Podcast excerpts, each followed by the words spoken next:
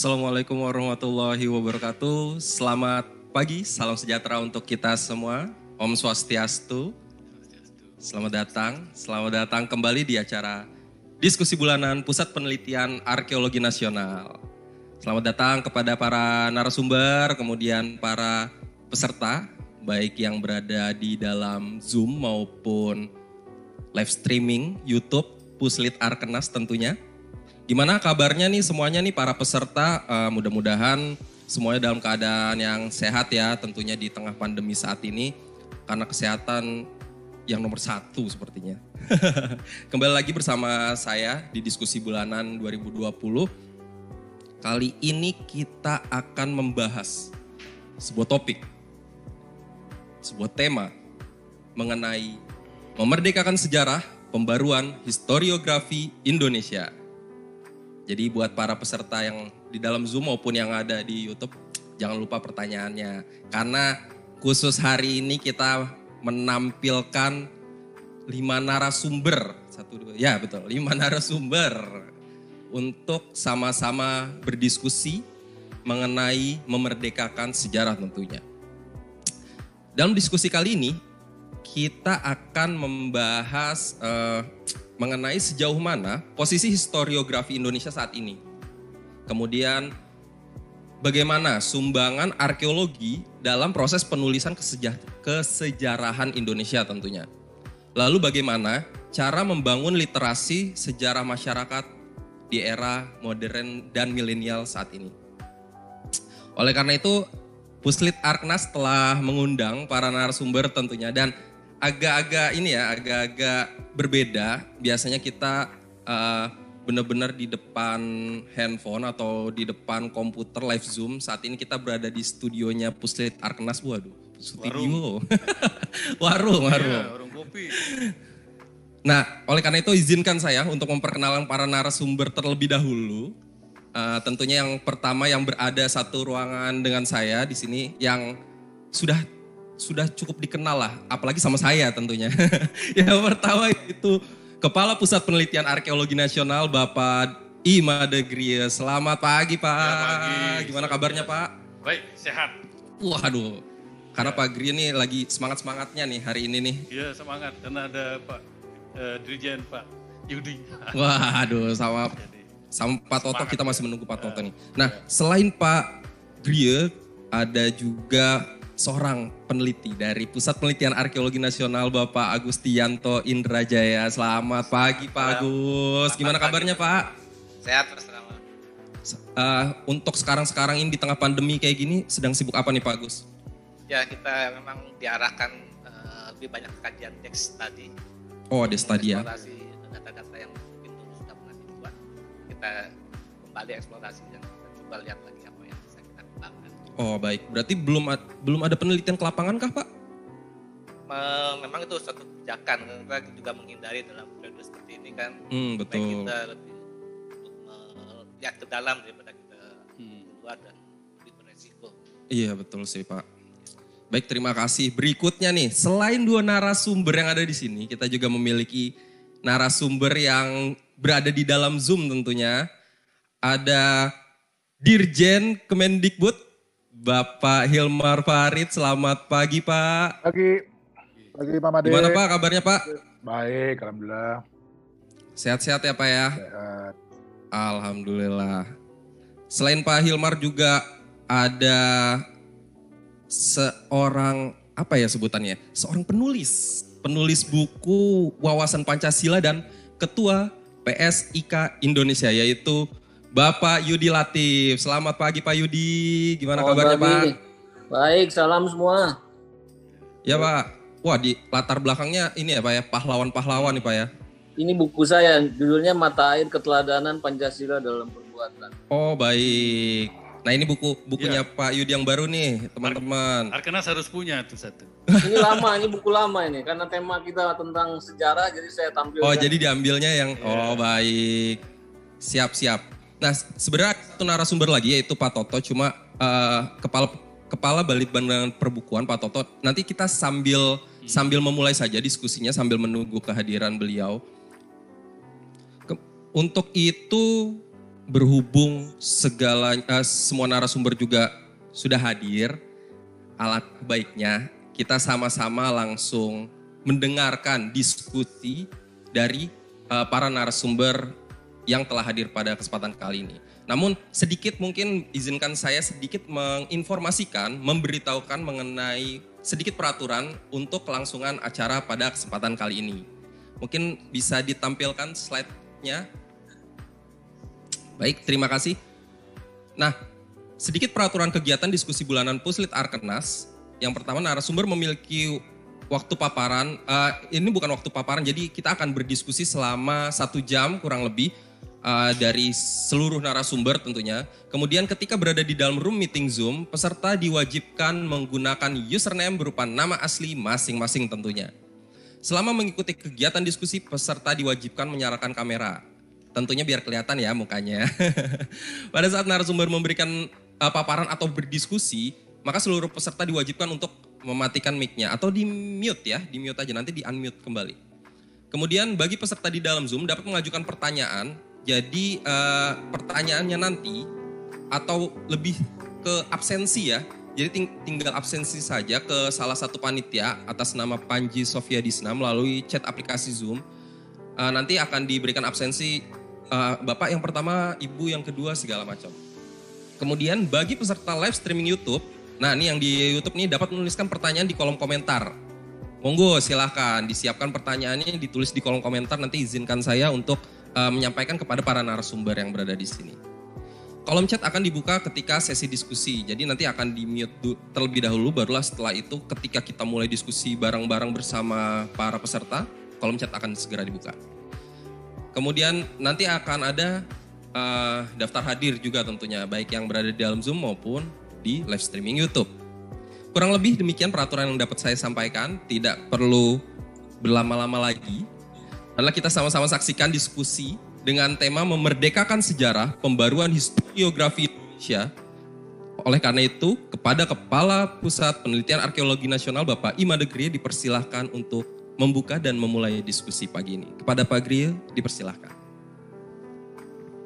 Assalamualaikum warahmatullahi wabarakatuh. Dan kami dari Arkeologi Nasional. Pak Made, Pak Made mohon maaf, suaranya kecil sekali. Mikrofonnya mungkin enggak? Oh ya. Ya. Enggak keluar.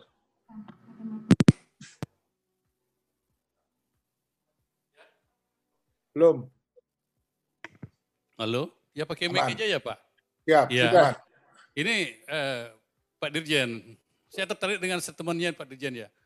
Jadi waktu eh, diskusi kalau nggak salah bulan yang lalu ya.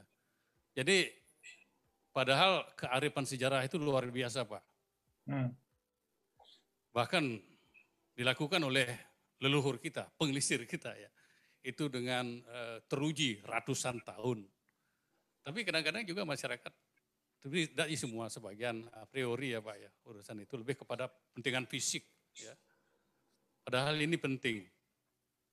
Nah, Pak Dirjen bahkan mencontohkan rempah, salah satu contohnya.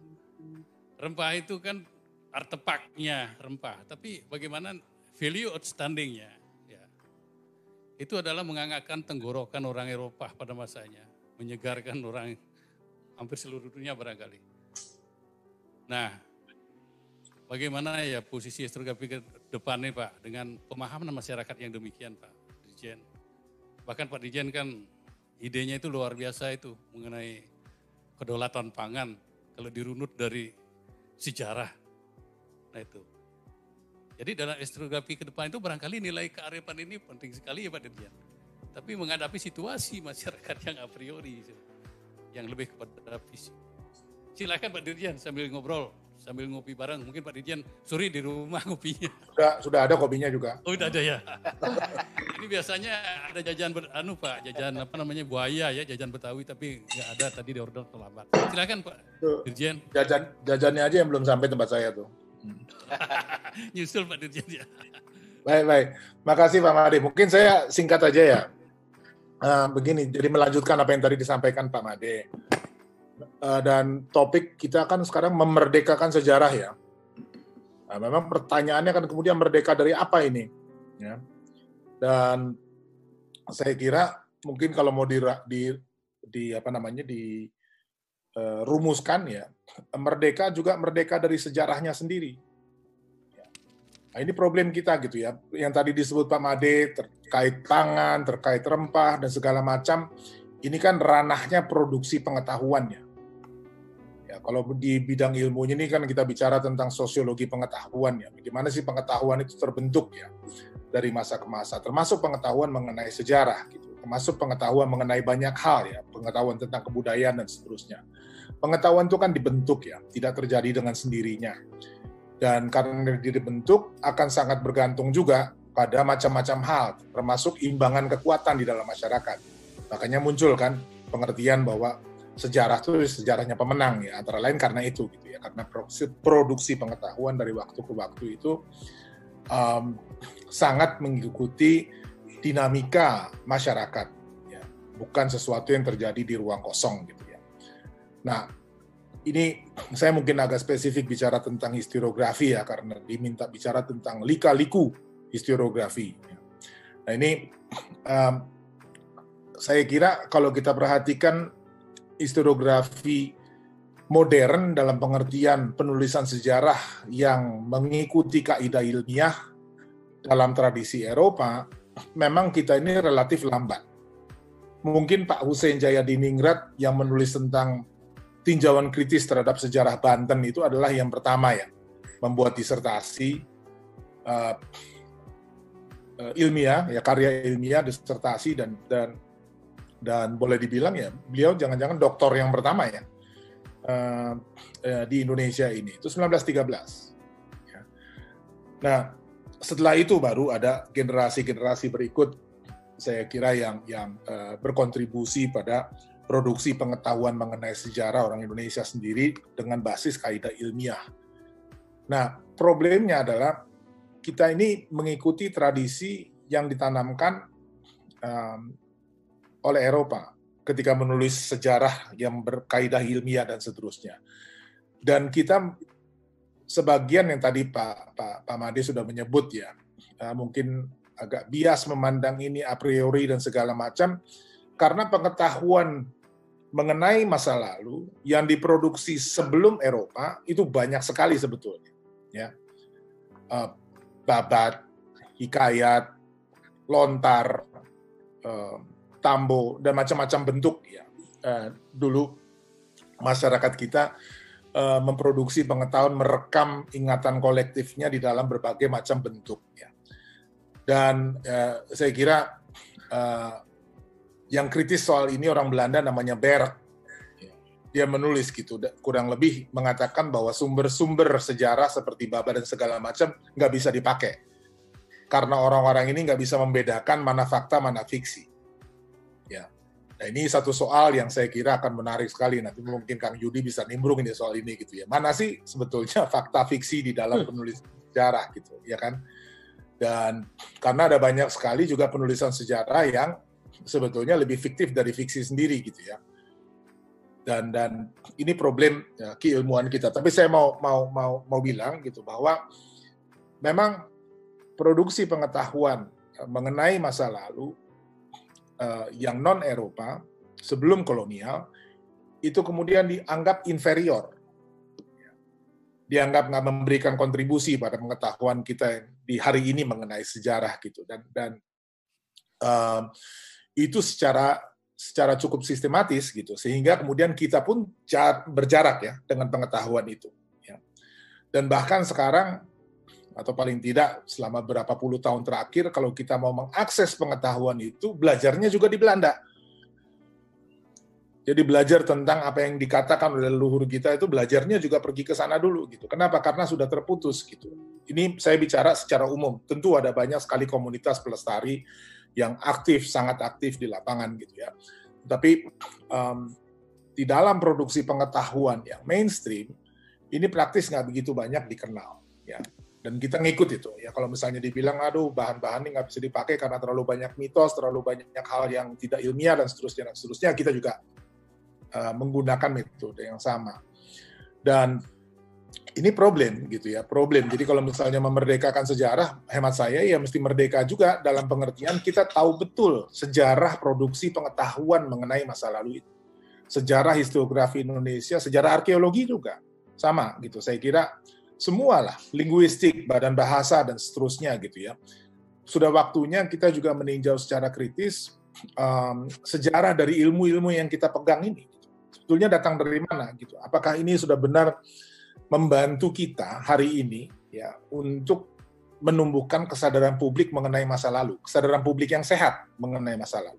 Ya, um, dan itu um, kalau sudah bicara di ranah seperti ini gitu, mungkin produksi pengetahuan yang sifatnya ilmiah di perguruan tinggi punya kontribusi tapi tidak satu-satunya. Kalau itu saya cukup yakin. Ya, jangan dikira kalau misalnya sekarang fiksi dan juga romantisasi, dramatisasi dari dari keterangan tentang masa lalu tidak punya uh, kontribusi di dalam produksi pengetahuan publik mengenai masa lalu. Ya. Itu banyak sekali, termasuk monumen, patung, uh, sebutlah gitu ya, penghargaan, anugerah dan seterusnya. Ini kan semua sebetulnya membentuk ya pemahaman tentang apa yang baik, apa yang buruk, etik sifatnya gitu ya. Sebagian itu mengenai masa lalu gitu. Dan dan tidak semua itu melalui kajian ilmiah. Dan bahkan kajian ilmiah dalam hal ini punya batas-batas gitu ya yang yang dan ini bukan hanya Indonesia saya kira ya. Eh, pergi ke Amerika yang namanya penulisan sejarah dengan kaidah ilmiah itu bukan mainstream. Dalam pembentukan kesadaran publik gitu. makanya Trump bisa menang jadi jangan dikira bahwa itu uh, selalu wah ini ilmiah apa segala macam. Enggak, banyak gini ya membentuk kesadaran publik mengenai uh, uh, masa lalu gitu. Dan dan saya kira ini yang perlu kita cermati betul hari ini ya. Kalau bicara tentang literasi sejarah, bicara tentang uh, keadaban publik, tentang banyak hal-hal yang baik yang kita inginkan ini, ini nggak bisa kita cuma bersandar pada yeah. tadi ya historiografi yeah. itu.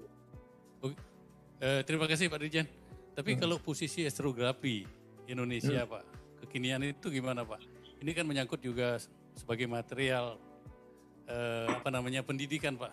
Secara hmm. substansinya memang ya harus apa namanya itu eh, itulah seperti yang dikatakan Pak ini kan komprehensif ya tadi itu. Ya. Jadi posisi astrografi Indonesia itu, Pak, yang sekarang. Kalau kalau sekarang ini uh, terutama terkait dengan pedagogi gitu ya. ya. Um, sekarang kalau menurut penilaian saya kalau misalnya lihat kurtilas ya lihat uh, materi yang sekarang diajarkan di sekolah itu uh, pengaruh dari historiografi yang sifatnya ilmiah itu besar sekali. Besar sekali. Kalau baca buku pelajaran gitu tentang banyak peristiwa sejarah sekarang diberikan pilihan. A mengatakan ini. B mengatakan itu gitu ya. Dan ini sehat ya. Artinya kita mengajak ya, anak didik kita ini juga untuk berpikir kritis kan dengan melihat ada tiga empat tafsiran terhadap satu hal ya dan ini uh, sekarang semakin semakin apa namanya boleh dibilang semakin menonjol gitu ya. Ya jadi terima kasih Pak Dirjen. Ini bergeser sebentar ya. ke Pak Yudi.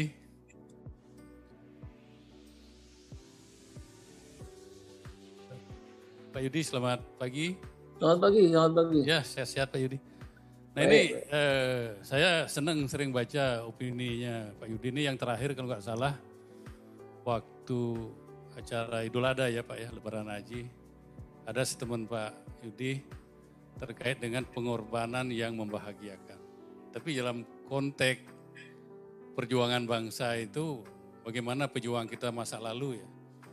Jadi dengan tetes darah mereka berjuang, yang menikmati klimaknya kita sekarang ya Pak. Tapi penikmat klimaknya ini ya, dalam tanda kutip mental menerabas itu tadi Pak. Artinya eh, mereka yasa sejarah untuk kepentingan. Nah ini eh, karena saya ini Pak ya ilustrasikan Pak Idi ya karena saya pernah wawancara anak-anak sekolah ini di tahun 80-an eh, ya nonton film sejarah ya. Jadi saya tanya, uh, dia habis nonton, senang nonton film itu, gitu. dia bilang senang, percaya, dipercayain pak, supaya yang bohong senang gitu. Artinya anak-anak sekolah ya masa itu sudah mengerti tentang mana film, eh, film itu bohong menurut mereka gitu ya. Ini kan eh, juga menjadi hal yang krusial ya Pak Yudi ya.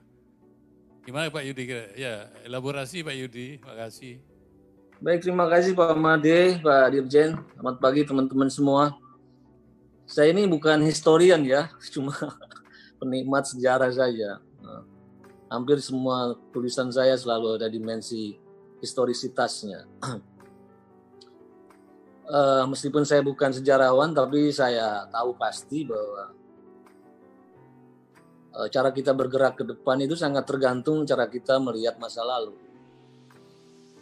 Jadi historical self invention itu sangat penting. Ya. Sejarah sendiri kan dari bahasa Arab sajaro artinya pohon.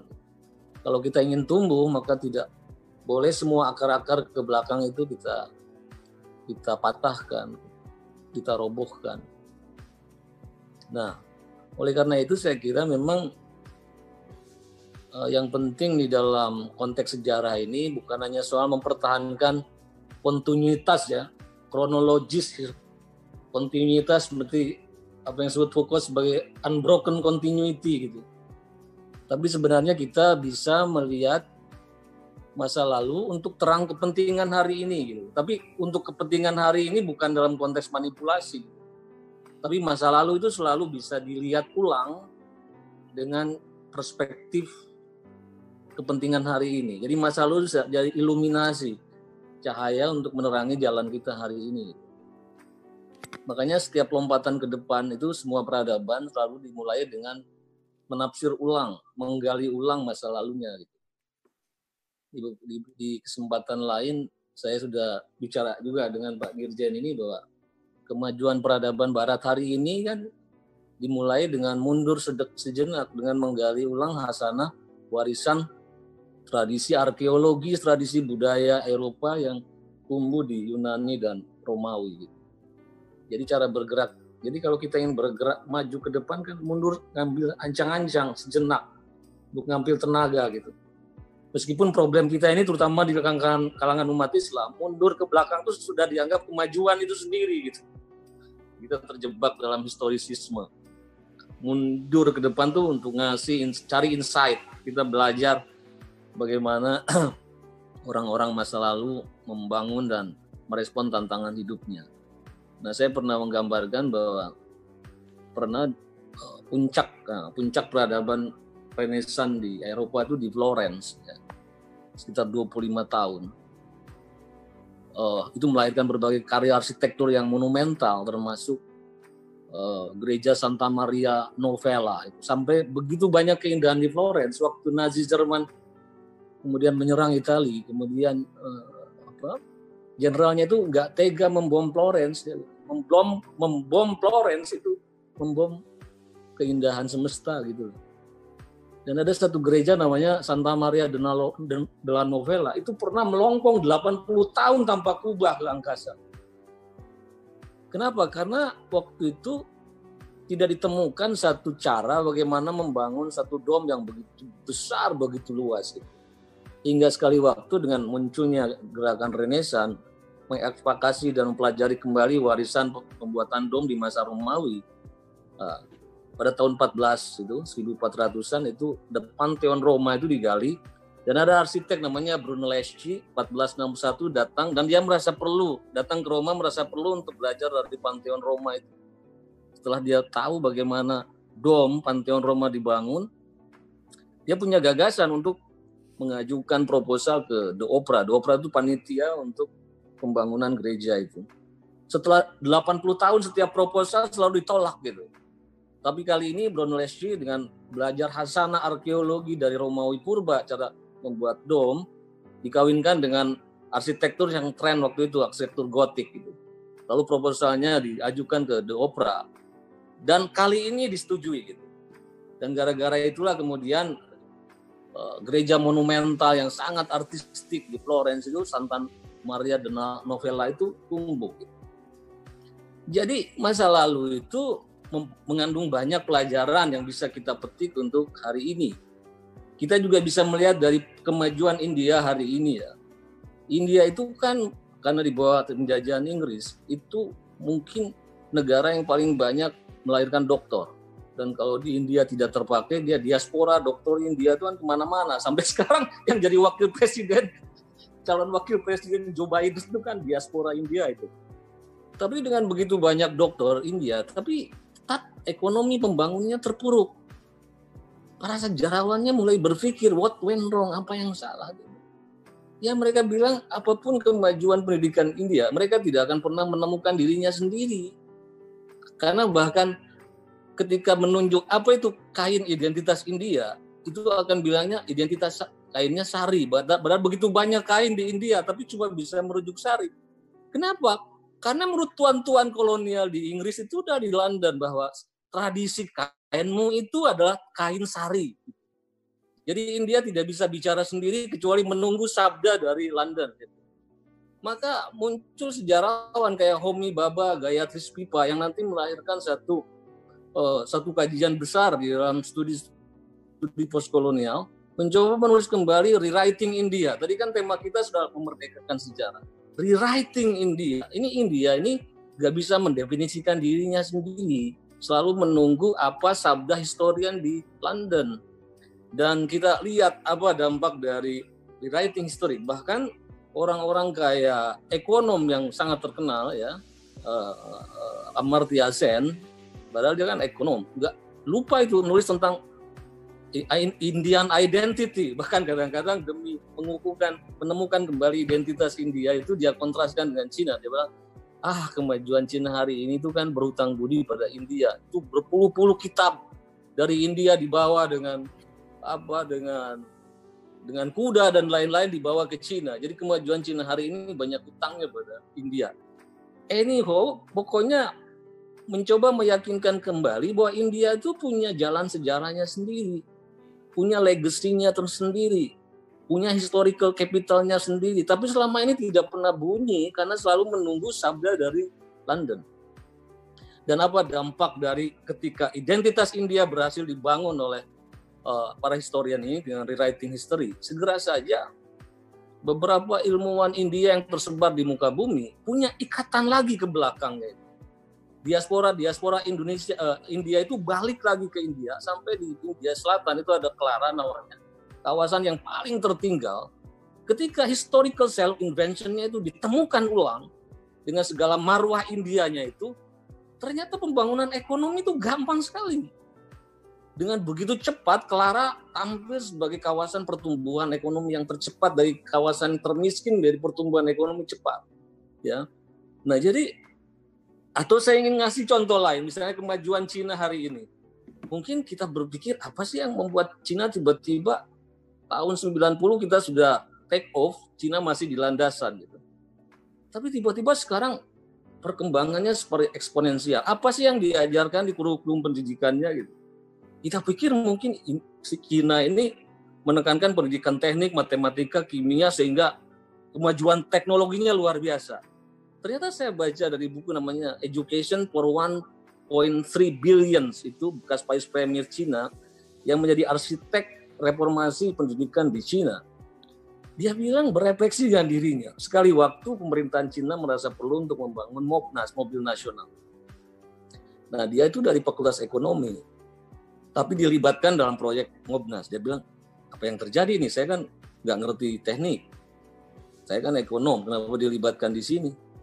Tapi rupanya yang penting bukan soal tekniknya, tapi soal menemukan bagaimana kebanggaan Cina supaya bisa kompetisi lagi di pasar global hari ini dengan merujuk historisitas ya, warisan keagungan Cina di masa lalu. Maka kemudian ketika rasa bangga terhadap masa lalunya itu bisa dibangkitkan, segera saja kecepatan elevasi perebutan perusahaan aspek teknik itu dengan sendirinya datang. Dan oleh karena itu ketika dia jadi arsitek dari pendidikan di Cina, dua hal yang sangat ditekankan dalam pendidikan kayak karakter di sini, yaitu sejarah, jadi sejarah peradaban Cina di masa lalu, ha, itu harus wajib di semua level pendidikan. Dan kedua, sosialisme ala Cina. Jadi kalau di kita, eh, ya sejarah sejarah tentang bagaimana sejarah perjuangan bangsa, tapi yang benar ini ya, yang kedua adalah Pancasila, gitulah iya. kira-kira. Yeah, Jadi yeah. pengejaran-pengejaran studi-studi teknik itu dengan sendirinya akan berkembang kalau orang tuh menemukan kembali gut mendefinisikan dirinya itu sudah bisa gitu. Ya di sinilah saya kira kenapa saya mengapresiasi atau saya, saya terakhir ini Pak. Ya. Sejauh kalau menyangkut arkeologi itu juga kan itu ada Bosch itu dari arkeolog dari Belanda itu menulis buku tahun 46 judulnya Selected Studies in Indonesian Archaeology. Ini dia beri- berisi ratapan sebenarnya bahwa Belanda dia bilang menjajah Indonesia ratusan tahun. Begitu gerakan dekolonisasi terjadi seperti gak ada jejaknya di Indonesia. Tapi Inggris yang cuma beberapa tahun itu sampai hari ini mela- melahirkan legacy di dalam historiografi Indonesia, peradaban Indonesia luar biasa. Karena misalnya Borobudur dan lain-lain itu kan digali oleh revolts gitu. Apa yang terjadi? Dia bilang karena Belanda itu dari dulu selalu merasa bahwa Indonesia pra Belanda itu ekonominya terpuruk, eh, mandat, tidak ada peradaban yang bisa dia banggakan gitu. Tetapi Inggris pendekatannya lain karena Inggris selalu ingin share dengan tanah orang-orang jajahan. Jadi dia mengapresiasi legasi-legasi warisan-warisan arkeologi, warisan-warisan peradaban dari masa lalunya. Jadi yang ingin ditekankan oleh Bosch adalah bahwa sebenarnya Indonesia ini punya kekuatan ya yang menjadi rahasia kemajuan peradabannya di masa lalu yaitu kemampuan untuk mengawinkan elemen-elemen dari luar dan elemen-elemen cerlang budaya lokal yang melahirkan sintesis yang jauh lebih tinggi ketimbang asal usul dari peradaban itu. Dia contohkan seperti kasus Borobudur, kasus Sendratari Ramayana dan lain-lain. Meskipun ada elemen-elemen India, tapi kemampuan Jawa dia bilang di dalam mengembangkan itu jauh lebih advance, lebih finest ketimbang apa yang bisa dilahirkan oleh oleh India sendiri. Nah, jadi sejarah kita tuh mari kita luaskan jangan hanya sejarah perang, sejarah silsilah gitu. Sejarah sosial, sejarah peradaban kita. Saya kira itu saja. Terima kasih. Ya, terima kasih Pak Yudi. Jadi peradaban punya peran penting ya dalam penguatan karakter bangsa ya Pak. Ini ada pertanyaan yang nyelekit barangkali Pak Yudi kita eh, terkait dengan eh, apa namanya terminologi ya. Kebetulan Pak Yudi tadi menyinggung Pancasila ya. Jadi yang kita kenal kan Pancasila sebagai dasar negara ya Pak Yudi. Tapi ada diksi apa namanya bukan diksi ya terminologi. Pancasila itu eh, apa namanya sebagai pilar kebangsaan. Kalau yang saya tahu ya pilar kebangsaan itu kan pilar itu kan di atas fondasi ya Pak. Nah, ini hanya masalah terminologi Pak, tapi ini sering dipertanyakan dari eh, ya komunitas itu ya. Jadi penggunaan ya, terminologi dalam hal ini kebetulan Pak tadi bicara Pancasila. Tapi terima kasih Pak tadi banyak eh, pencerahannya yang terkait dengan bagaimana peradaban yang lalu bukan hanya Cina saja ya kita sendiri ya dalam peran penguatan karakter kebangsaan. Terima terima kasih Pak yang tadi Pak. Ya, ya. Silakan Pak. Yang, Yang mana ini? Yang, tadi, Pancasila Pak. itu? Yang dasar itu dasar. Oh iya. Pancasila itu sebagai dasar, tapi kok bisa jadi pilar gitu ya. Itu, Iya, itu ada yang jadi- bertanya ah. begitu betulan Pak Yudi. Ada sekarang ya saya tanyain. Iya, jadi kalau terminologi baku yang sudah dikenal dalam ketatanegaraan kita memang kan Pancasila itu dasar filosofi negara atau satu pandangan hidup. Tapi memang di dulu di tahun berapa itu sekitar 2011 ketika kita juga ruang publik kita mulai terkoyak rasa share value, share identity itu mulai bermasalah ya hal-hal yang sudah selesai lalu diperbincangkan ulang. Ada retakan-retakan dalam kehidupan bangsa ya waktu itu kan ketua MPR-nya Pak Taufik Kemas. Ah, ah, kemudian ah, pada satu kesempatan sebagai ketua MPR dia merasa perlu untuk meluaskan program sosialisasi MPR yang dulunya itu MPR kan diminta untuk mensosialisasikan hasil amandemen, konstitusi amandemen. Tapi menurut Taufik Kimas ini nggak cukup berhenti di sosialisasi um, Undang-Undang Dasar 45 hasil amandemen karena ada problem lain selain problem konstitusional yang harus kita selesaikan itu retakan-retakan dalam kehidupan bangsa. Ada orang mengugat kembali tentang soal-soal ke- keragaman waktu itu kan undang-undang tentang pornografi, aksi macam-macam. Kemudian juga ada problem uh, apa sep, apa disentering ya gerakan seperti untuk sempalan dan lain-lain. Jadi dia merasa selain konstitusi kita harus perkuat lagi Pancasila, terus komitmen kita pada NKRI dan menjahit ulang Bhinneka Tunggal Ika. Nah kalau harus disebut itu apa ya gitu maksudnya semacam nama filenya apa untuk memudahkan penyebutan empat itu dalam satu tarikan nafas. Jadi supaya ngomong itu tidak panjang gitu. Kita sosialisasikan Pancasila, Undang Dasar 5, NKRI, Bhinneka Tunggal Ika itu kan panjang. Perlu ada nama file gitu loh. Nah, karena beliau ini kan bukan scholar kayak Pak Hilmar Farid gitu. Dia dengan instinktif mungkin lalu dia bilang ya itu empat pilar gitu. Dengan empat pilar. Ya mudahnya itu nama filenya itu empat pilar lah. Ya sebenarnya sih nggak salah-salah amat juga sebenarnya empat pilar itu. Cuma itu keluar dari kebakuan kita. Kalau kita baca dalam bahasa Inggris kan pilar itu pengertiannya banyak, bukan hanya tiang tapi juga bisa fundament. Tapi itu memang di Indonesia hal-hal yang biasanya istilah yang sudah baku untuk mengubah itu sulit. Itu juga pelajaran lah bagi semua kita. Kalau kita kita mengeluarkan istilah itu harus pikirkan baik-baik karena kadang-kadang hmm bukan substansinya nanti yang ribut itu, yeah. tapi malah jadi semio, kompleks semi, uh, perdebatan semiotik yang gak ada habis-habisnya gitu. Itu penyakit kita kan di situ. Yeah. Oke, makasih. Iya, makasih Pak Yudi. Uh, saya bergeser ke Pak Agus ya. Ini menapak jejak di pantai utara. Itu sudah lama dilakukan Pak Agus.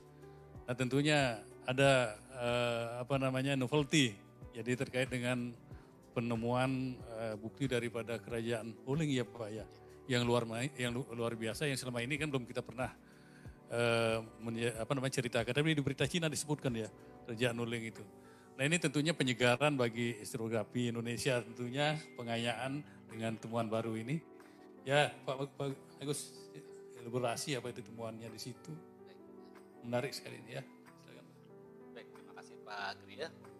Assalamualaikum warahmatullahi wabarakatuh. Selamat pagi, salam sejahtera bagi kita semuanya. Saya ingin mengawali tadi apa menyambung yang disampaikan uh, narasumber kedua bahwa apa yang disampaikan bos itu memang benar sekali. Uh, kita bangsa Indonesia ini sesungguhnya mempunyai Baik, uh, saya ingin memulai dengan apa yang tadi sudah disinggung uh, disampaikan oleh bos terkait dengan uh, peradaban di Nusantara ini yang itu uh, sifat cirinya beda sekali dengan uh, India. Artinya dulu nenek moyang kita tidak uh, begitu saja menerima pengaruh-pengaruh budaya yang datang dari luar, tetapi mereka menyesuaikan dengan uh, kebutuhan dan keahlian yang mereka miliki terkait dengan uh, lega, apa uh, novelty daripada sejarah budayaan Indonesia ini uh, tentu saja pusat penelitian arkeologi uh, secara konsisten uh, melakukan kegiatan-kegiatan penelitiannya di Nusantara. Di antaranya apa yang kami kerjakan di uh, untuk penelitian arkeologi di pantai utara uh, Jawa Tengah gitu. Bapak Ibu sekalian, seperti kita ketahui bahwa sungguhnya apabila kita belajar tentang peradaban Hindu Buddha Kerajaan Mataram kuno di Jawa Tengah, itu di dalam uh, pelajaran sering kali itu dimulai dengan ketika Sanjaya mem, mem, mendirikan prasasti uh, 732 Masehi yang itu di awal sebagai awal daripada kerajaan Mataram kuno. Sesungguhnya Bapak Ibu sekalian, berita-berita Cina sudah men, menyebutkan bahwa ada kerajaan pendahulu daripada Sriwijaya yang itu dikenal sebagai kerajaan Holing.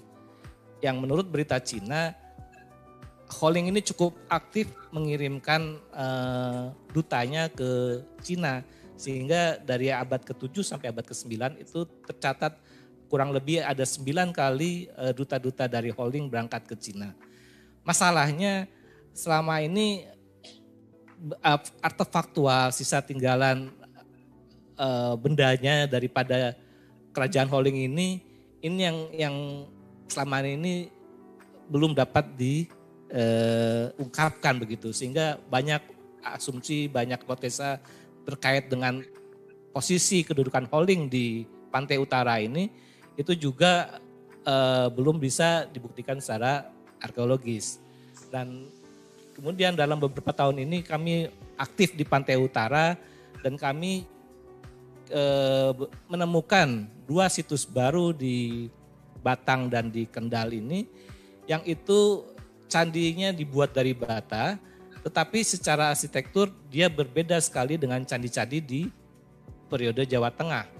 Dan itu jauh lebih mirip kepada candi-candi Batu Jaya di Kerawang yang itu dipertanggalkan abad ke-6 ke-7 Pak Gria.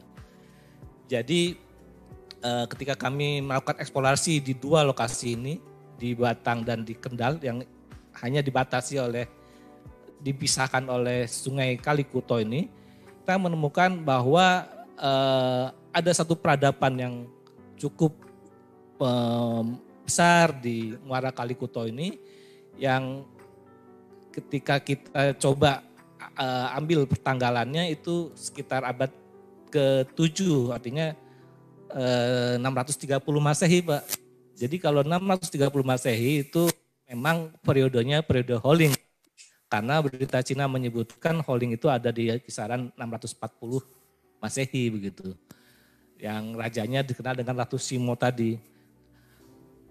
Jadi eh, dengan hal seperti itu kami mulai melihat bahwa sesungguhnya jejak holding sudah mulai kita temukan Pak. Ini data-data awal yang mungkin kita eksplorasi lagi lebih jauh karena ini baru ditemukan tahun kemarin dan tahun ini karena COVID kita harus eh, banyak di kantor itu Pak. Indikasinya itu dari Indikasinya itu hanya dari apa namanya itu tinggalan uh, candi atau ada ya. mungkin prasasti barangkali nggak Pak? Indikasinya memang Untuk yang kita gali baru uh, dua candi Pak, dua candi. Tetapi apabila kita mau eksplor lagi lebih jauh, kita menemukan arca-arca yang memang uh, bukan dari arca-arca Jawa Tengah gitu Pak. Ada dua arca Ganesha yang uh, secara ikonografis dia lebih mirip kepada uh, ke India begitu. Kemudian juga ada arca Harihara yang secara ikonografis dia lebih mirip kepada arca-arca yang ditemukan di uh, Bangka Belitung atau di Cibuaya. Dia punya pakaian pengangkat sarung dan mahkota yang tinggi yang itu arca-arca seperti itu hanya beredar di Asia Tenggara abad ke-6 ke-7. Itu juga kita ketemukan di uh, situs Pejaten yang posisinya agak ke utara daripada situs uh, Balai Kambang ini, Pak.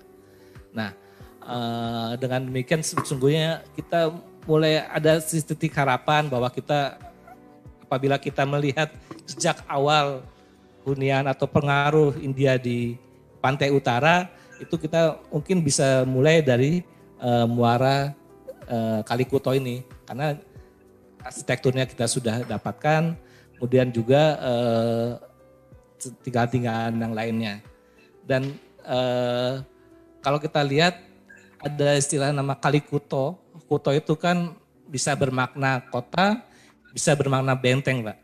Dan berita Cina menyebutkan bahwa holding itu dikelilingi oleh benteng seperti itu. Jangan-jangan dulu masyarakat kita menemukan nama Kalikuto itu memang dulu memang melihat adanya uh, jejak-jejak uh, peradaban di pikir Kalikuto tadi, mungkin benteng yang disebut tadi itu uh, yang mem, merefer pada nama Kuto yang ini Pak. Seperti itu mungkin. Pak. Terima kasih Pak Agus ya menginspirasi. Uh, ada masih ya? Iya. Jadi Pak Dirjen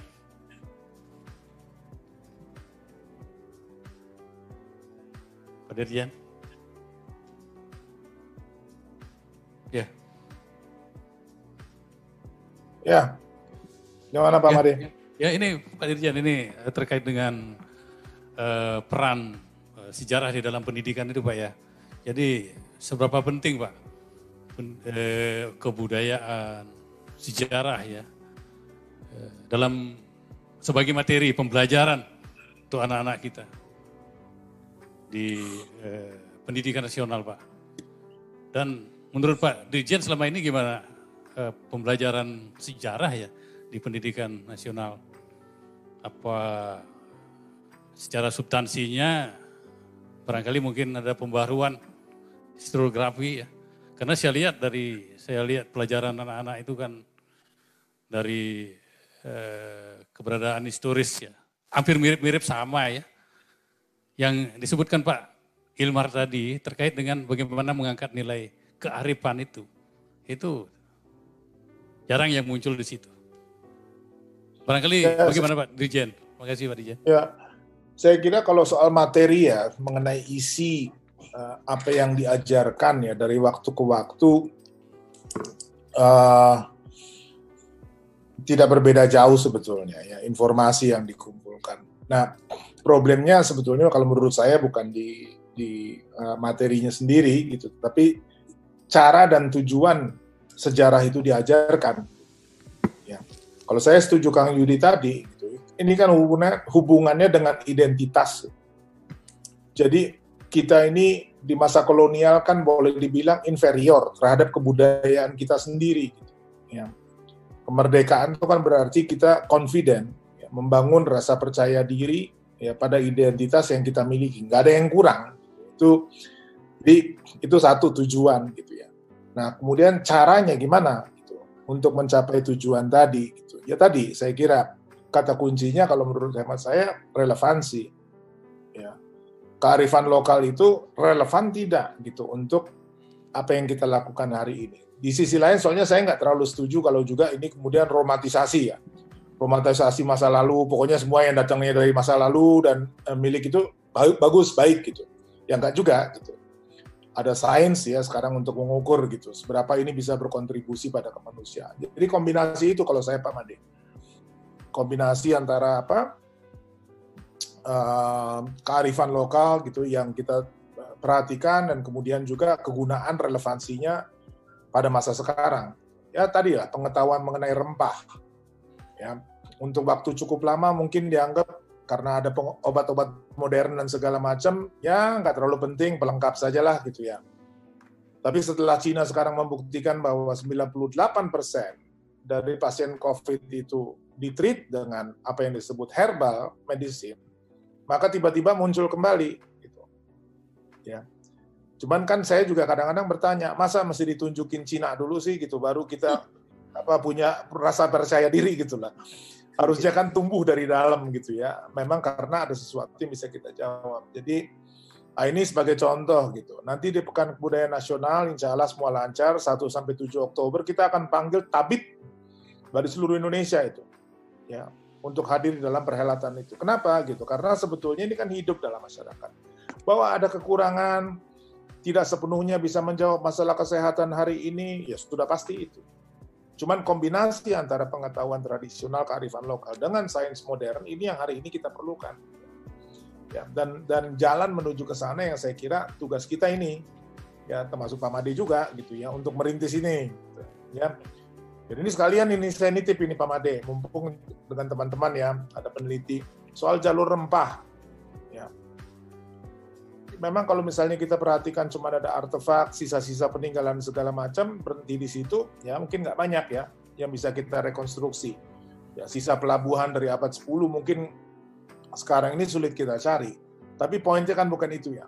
Poinnya adalah membangun tadi ya, keseluruhan himpunan dari kearifan lokal, cerita-cerita sejarah dan seterusnya itu yang pada akhirnya gitu memberikan kita juga bobot yang jauh lebih solid. Sekarang ini kan enggak gitu. Yang tadi Kang Yudi saya kira bagus sekali dengan per, per, perbandingan dengan India gitu ya. Kerala itu yang disebut tadi gitu ya di di bagian selatan India itu miskin, susah hidupnya gitu. Modalnya mereka kemudian bukan investasi gede-gedean dari luar, bukan. Ya, identitas orangnya dulu nih diperkuat gitu. Dia percaya diri aja dulu dan mereka adalah um, satu masyarakat di Kerala ini yang mungkin punya barefoot scientist ilmuwan-ilmuwan cakar apa namanya itu uh, ilmuwan-ilmuwan telanjang kaki gitu ya ilmuwan-ilmuwan rakyat gitu yang berkontribusi pada produksi pengetahuan tadi. Nah itu sih saya kira kunci. Gitu. Jadi pendidikan sejarah di mana tempatnya? Ya di dalam kerangka itu tadi. Jadi bukan minta anak-anak menghafal apa eh, kerajaan dari Holing Tarumanegara, kemudian Majapahit itu urusan kita dah, gitu ya. Bukan itu yang mereka, itu. mereka perlukan gitu ya. Tetapi sekarang ini uh, apa dari tapak-tapak sejarah kita gitu ya membantu uh, memperkuat identitas tadi dan tujuan ya tujuan berbangsa dan segala macam gitu. Jadi ini satu satu satu kerangka gitu. Terima kasih Pak Dirjen. Pak Yudi. Ya. Ini terkait dengan penguatan karakter Pak Yudi. Benar. Ya. ya jadi pembelajaran sejarah kan tidak hanya apa namanya mengagung-agungkan masa lalu atau bereporia hmm. dengan masa lalu. Ya. Jadi bagaimana mengangkat nilai kearifan itu menjadi pembelajaran yang baik. Ya. Jadi penguatan karakter di sini gimana Pak Yudi terkait dengan pembelajaran sejarah gitu. Menurut pandangan Pak Yudi. Iya, jadi kan ideologi itu sebenarnya kan naratif knowledge. Ya, Pancasila sebagai ideologi kan naratif knowledge. Makanya ideologi nggak bisa ditanam dengan hanya menghafal 36 butir. Ideologi itu harus menumbuhkan keyakinan, kan? menumbuhkan konfidensi, menumbuhkan rasa bangga, tapi menumbuhkan juga semacam passion ya untuk melanjutkan tonggak-tonggak penting dalam sejarah bangsa. Nah selama ini kita sering kali menghayati sejarah bangsa kita ini kan sejarah kekalahan. Padahal Pancasila itu ideologi kemenangan gitu. Pancasila sebagai ideologi kemenangan tidak bisa diinjeksikan kalau kita hanya melihat masa lalu kita hanya sumber kekalahan. Gitu. Itu yang membuat orang lari ke ideologi lain. Gitu. Kita harus bisa mengatakan Indonesia itu sebenarnya ada banyak capaian, cuma selama ini para historian tidak terlalu berhasil mengartikulasikan kemenangan-kemenangan itu. Contoh misalnya, ya di dalam buku mata air keteladanan ini saya tunjukkan sebenarnya kan bangsa Indonesia itu termasuk bangsa yang sukses loh. Bayangkan satu kawasan uh, kepulauan yang begitu luas dengan begitu banyak suku, agama, sejauh ini masih bisa dipersatukan. Dan saya selalu bandingkan dengan dunia Arab. Dunia Arab itu mungkin penduduknya hampir sama lah dengan kita. Bahasanya sama, rasnya apa, tapi pecah berkeping-keping. Berarti kan kita punya itu historical capital, kita punya social capital. Misalnya salah satu kemenangan kita yang membuat kita bertahan hari ini kehebatan bahasa Indonesia sebagai bahasa persatuan. Ini kan mengagumkan gitu. Karena tidak semua negara berhasil untuk menghidupkan memperjuangkan bahasa persatuan. Bahkan Belgia negara kecil itu terancam perpecahan karena tidak mampu melahirkan satu bahasa persatuan. Ini. Jadi bahasa bahasa Indonesia itu bahkan sarjana Prancis ada mengatakan kasus keajaiban bahasa Indonesia dari bahasa kampung di sana di daerah Rio tiba-tiba menjadi bahasa persatuan yang membuat orang-orang Papua antar desa yang tadinya tidak bisa berkomunikasi sekarang bisa paling tidak dengan bahasa itu kita bisa ngomong satu sama lain. Terus apalagi orang juga sering lupa kita ini kan kemerdekaan Indonesia itu bukan hanya kemerdekaan bukan bang bukan hanya bagi bangsa Indonesia. Itu kan semacam mercusuar bagi gerakan-gerakan dekolonisasi bagi Asia Afrika. Dan trayek itu kita lanjutkan. Itu luar biasa kepeloporan Indonesia di dalam gerakan dekolonisasi dan mengarah pada gerakan non blok itu lewat konferensi Asia Afrika itu itu konferensi Asia Afrika itu monumental lagi-lagi sejarawan nggak bisa mengartikulasikan kehebatan kehebatan peristiwa konferensi Asia Afrika ini. Bahkan nyaris tidak ada di buku sejarah kita waktu kita mau konferensi Asia Afrika. Itu sebanyak 21 ilmuwan terbaik di dunia termasuk para pemegang Nobel, meraih Nobel, itu mengucapkan selamat loh pada Indonesia. Dia bilang percobaan-percobaan mencari damai, mencari Ashoka di Washington, di Romawi sudah gagal. Dan dunia berharap pada Indonesia. Barangkali Ashoka itu akan muncul dari Indonesia. Merinding saya bacanya Eh, surat-surat dari para pemegang Nobel untuk konferensi Asia Afrika ini. Dan tiba-tiba kan dunia dengan itu tadinya, saya dikisahkan dalam buku ini, tadinya kan konferensi Kolombo itu cuma pemimpin negara-negara Asia Selatan. Indonesia karena koneksi kita dengan India kuat, jadi diundang gitu. Nah, ketika siapa ini uh, Alista Suami Joyo sebagai Perdana Menteri waktu itu mau berangkat ke Kolombo, dipanggil oleh Bung Karno. Dia bilang, ini kesempatan emas. Maksudnya apa? Ini mimpi dulu kita untuk mempersatukan dunia, dia bilang.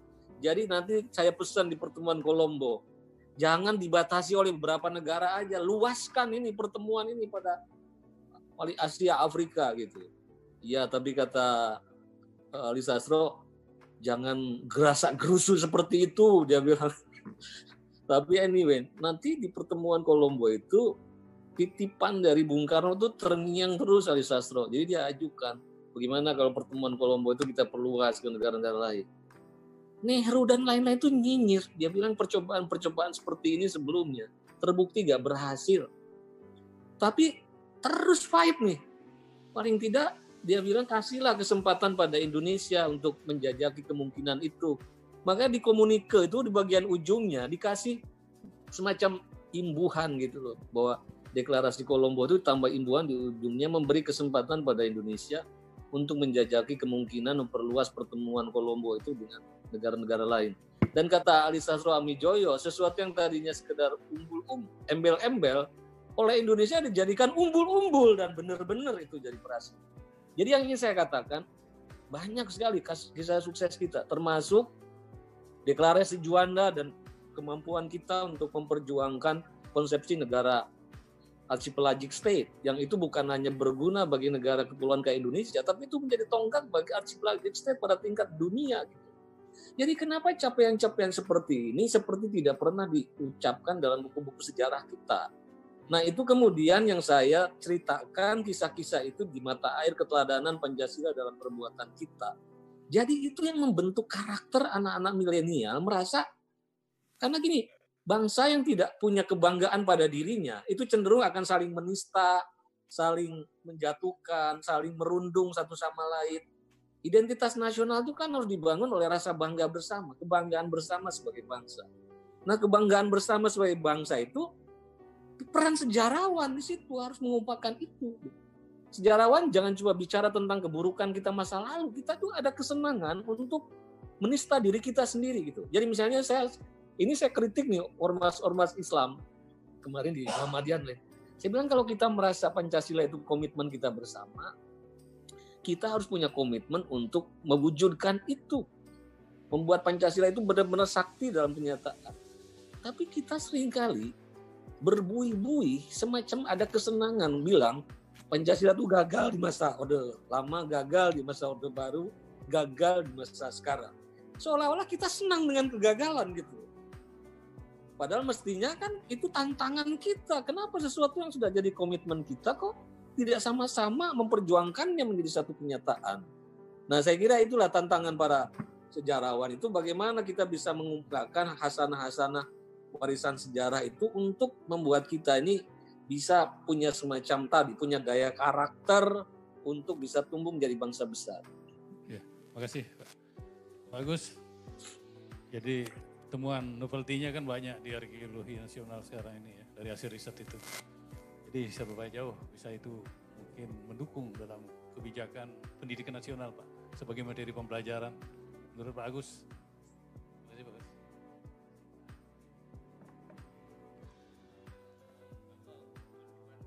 Suaranya Pak, suara.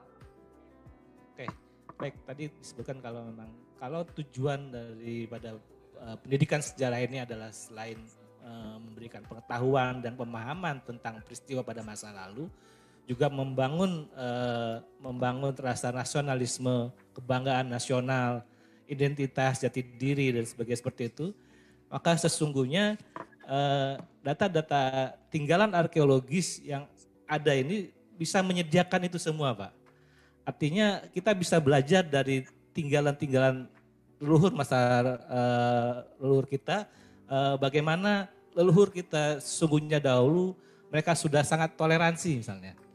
Itu kan bisa kita lihat bagaimana mereka membangun uh, candi Prambanan itu berdekatan dengan candi Sewu, artinya candi Prambanan ini Hindu dan Sewu itu adalah Buddha, itu mereka bangun berdekatan Pak. Artinya apa? Mereka sudah hidup secara harmonis bersama, mereka sudah melihat bahwa perbedaan itu bukan satu masalah besar.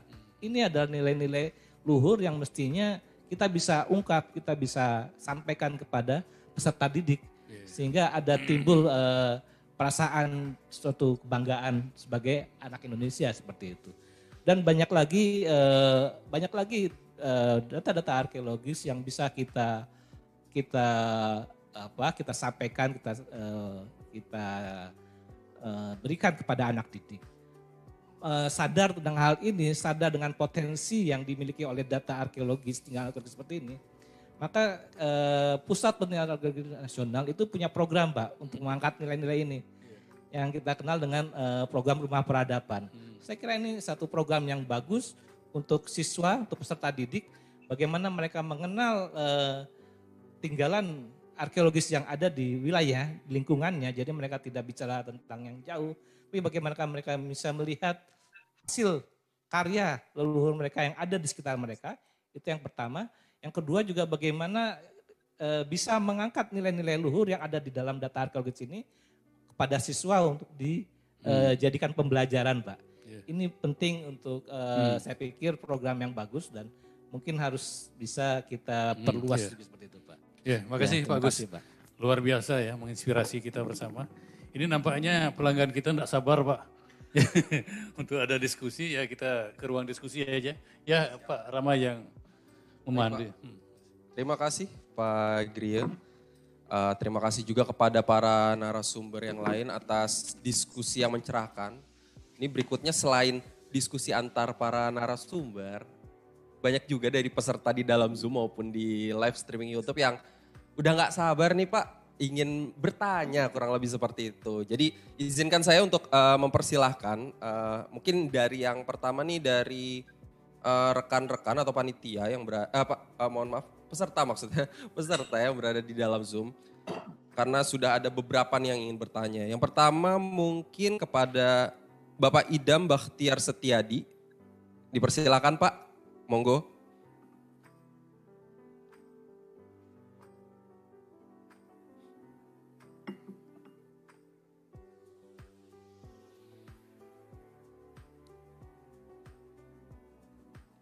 Uh, Pak Idam, terdengarkah suaranya?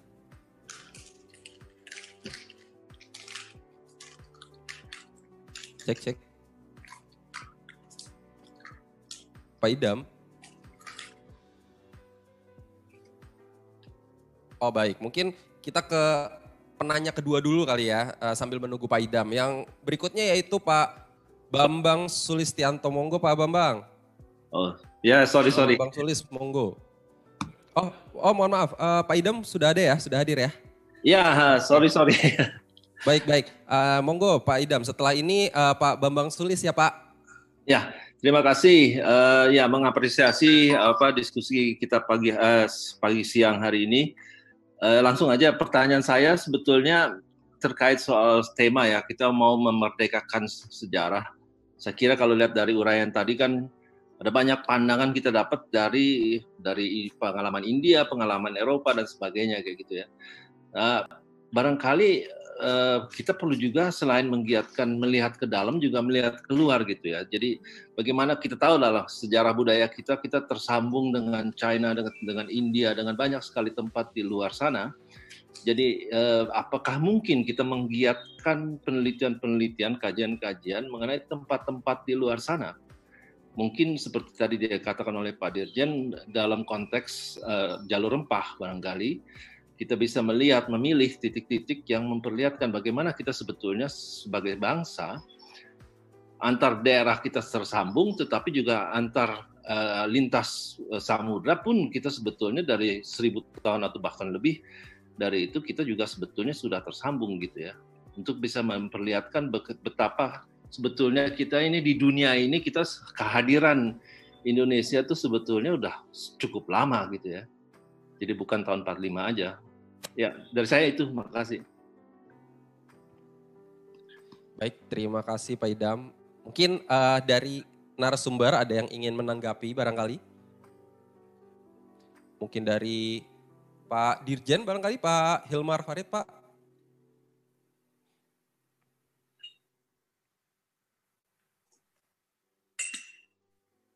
Pak Dirjen. Ya, soalnya di mute tadi.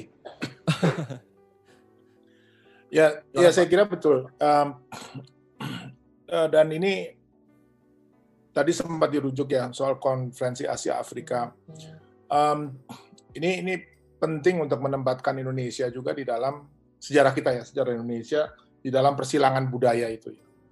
Jadi uh, pengaruh dari berbagai macam itu justru memperkaya dan menjadi kita menjadi menjadikannya bagian dari identitas gitu ya. Jadi uh, watak kosmopolitan ini itu juga saya kira uh, penting ya untuk diangkat gitu dan dan selama ini kan ada kecenderungan kita memperlakukannya lokal lokal lokal gitu ya.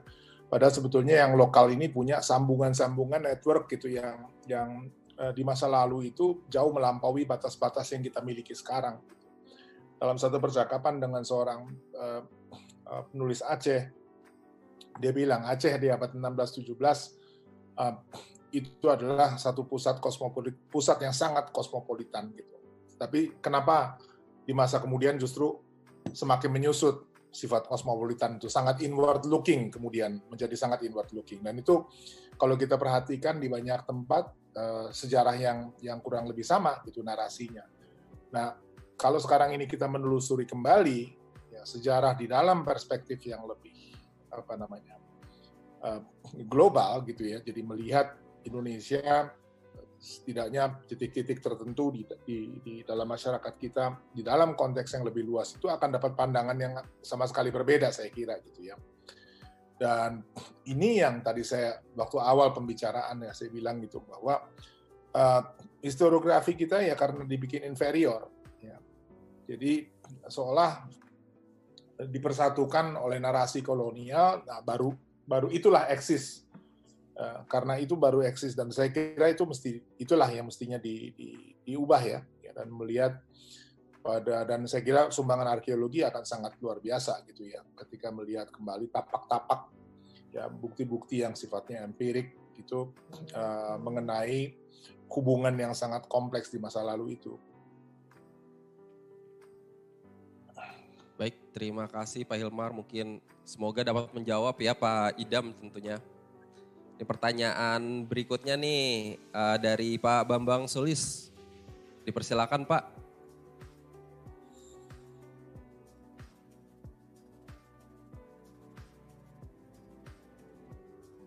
Tes, ya. Halo? Ya, terdengar Tes. Pak. Iya, Silakan Pak. terdengar ya. Makasih. Iya. Iya, memerdekakan sejarah. Saya tertarik sekali. Jadi judulnya sangat-sangat betul-betul mengagetkan saya.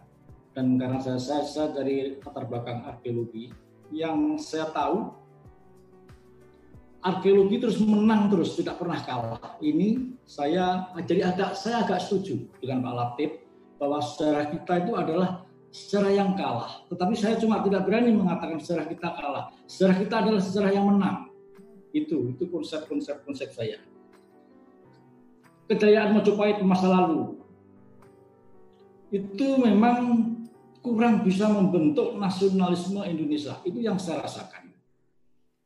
Yang saya rasakan eh, akhir-akhir ini setelah saya, saya mencermati itu. Hamka sendiri pernah menyatakan bahwa Islam itu lebih berperan dalam membentuk nasionalisme Indonesia dibandingkan dengan Majapahit. Nah, nanti kita diskusikan. Jadi eh, ada pandangan bahwa dalam pembentukan nasionalisme Indonesia itu eh, Islam itu itu lebih lebih berperan daripada eh, dengan Majapahit. Jadi yang saya tahu sekarang ini, yang saya pertanyakan sekarang dan saya kita perlu kita diskusikan sekarang ini adalah disorientasi mungkin label yang paling tepat untuk menggambarkan historiografi Indonesia pada masa kini. Saya minta uh, pandangan dari beberapa pakar-pakar di sini. Terima kasih, Mas. Atau dulu. Ya. Pes. Ya, sip. Terima kasih Pak Bambang. Mungkin uh, ada tanggapan nih dari Pak Yudi Latif nih terkait uh, pertanyaan dan pernyataan dari Pak Bambang Sulis. Dipersilakan Pak. Iya, jadi kalau Clifford Scott kan menyebut Indonesia ini sebagai old wine in a new bottle gitu. All societies new state ya. Jadi Indonesia ini memang konsepsi nasionalismenya itu ini ya, konsepsi nasionalisme itu sangat khas. Gitu. Jadi kan uh, para ilmuwan di dalam memandang nasionalisme itu melahirkan sejumlah mazhab ya. Pertama mazhab modernis gitu, yang melihat nation itu satu fenomena baru hasil dari revolusi industri, print kapitalisme, sama sekali tidak ada kaitannya dengan masa lalu. Ya itu seperti Benedict Anderson, Ernest Gellner kan selalu. Nation itu produk modernitas lah gitu.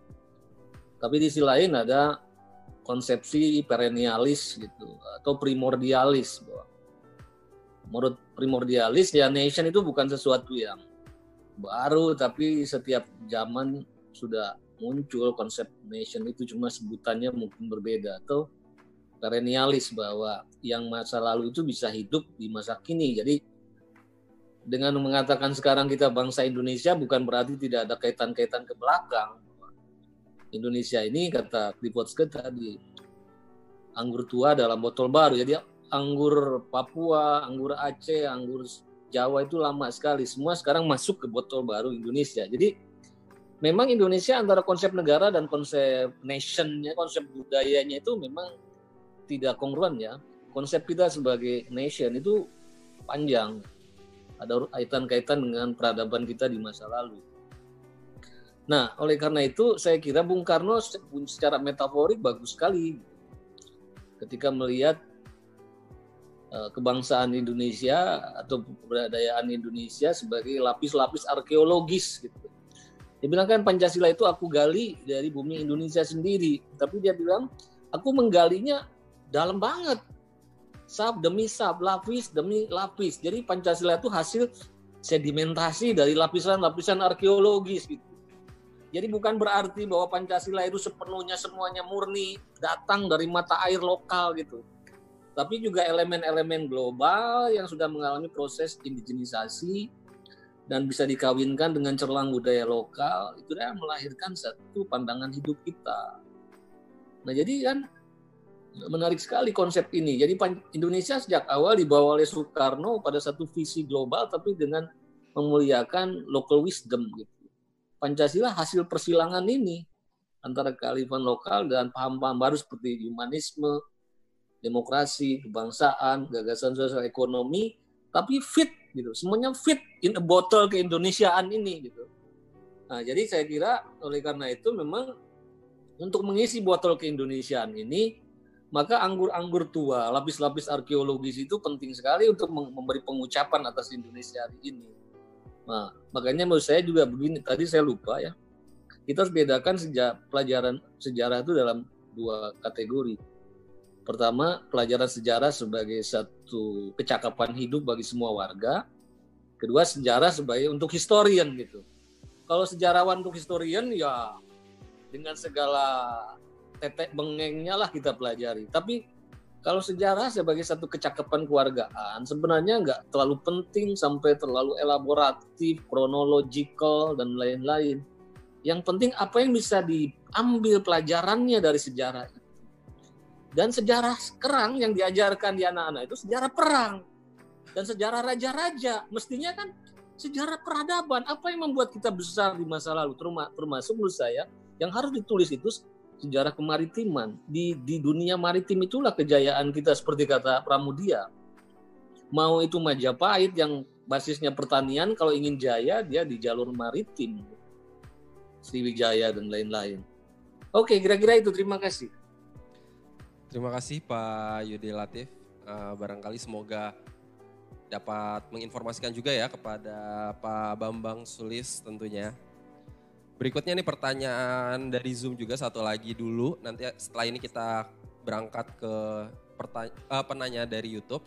Baru setelah itu kita kembali lagi ke Zoom. Pertanyaan berikutnya ini dari Pak Ako nih, dari Pak Jatmiko. Ayo, monggo Pak, monggo Pak.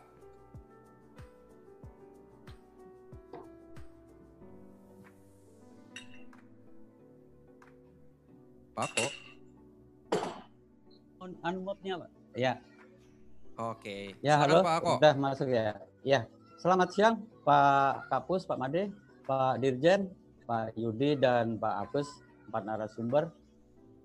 Menarik sekali apa yang disampaikan Pak Yudi tadi. Saya tertarik beberapa contoh yang di India yang melahirkan beberapa dokter, tapi kemudian masih menunggu sabda dari London, kemudian diambil contoh juga tentang Cina.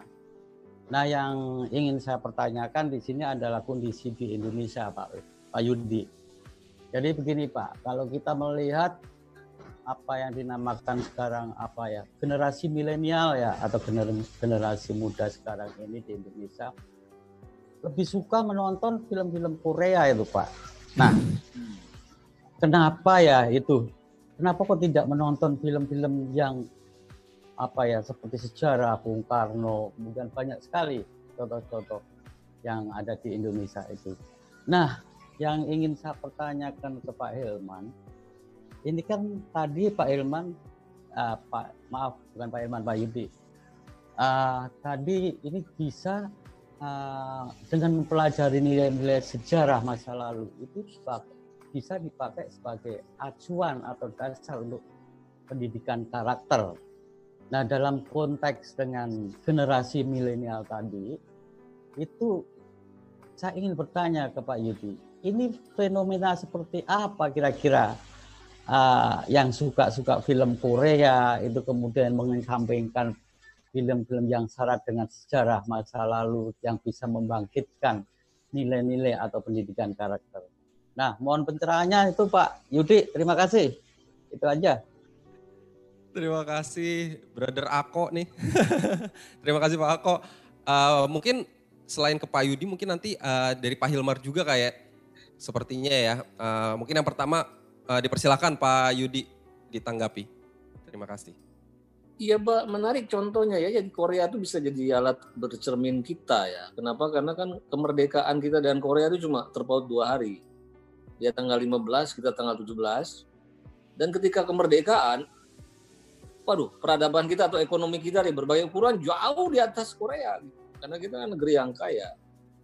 Tapi sekarang kalau kita lihat, dia sudah masuk klub negara maju, kita masih terjebak dalam middle class, jebakan kelas menengah. Jadi apa yang salah? It is exactly karena Korea itu mampu membangun national identity dan mampu menjadikan apa yang dia punya itu sebagai sumber kebanggaan nasionalnya. Coba Korea dengan satu bahan uh, kekayaan alam yang dia punya, coba apa? Korea itu terkenal dengan negeri apa coba? Negeri ginseng. Jadi dengan satu komoditi namanya ginseng itu sudah menjadi historical self invention dia. Jadi sumber penemuan jati diri sejarah dia dan itu membanggakan dia pada dunia. Tadi Pak Dirjen sudah mengatakan kita dengan kekayaan rempah, kekayaan herbal, jamu yang luar biasa. Kenapa kita tidak bisa dikenal sebagai negeri herbal gitu? Jadi kadang-kadang dalam sejarah itu punya klaim, reclaim, proklaim itu penting.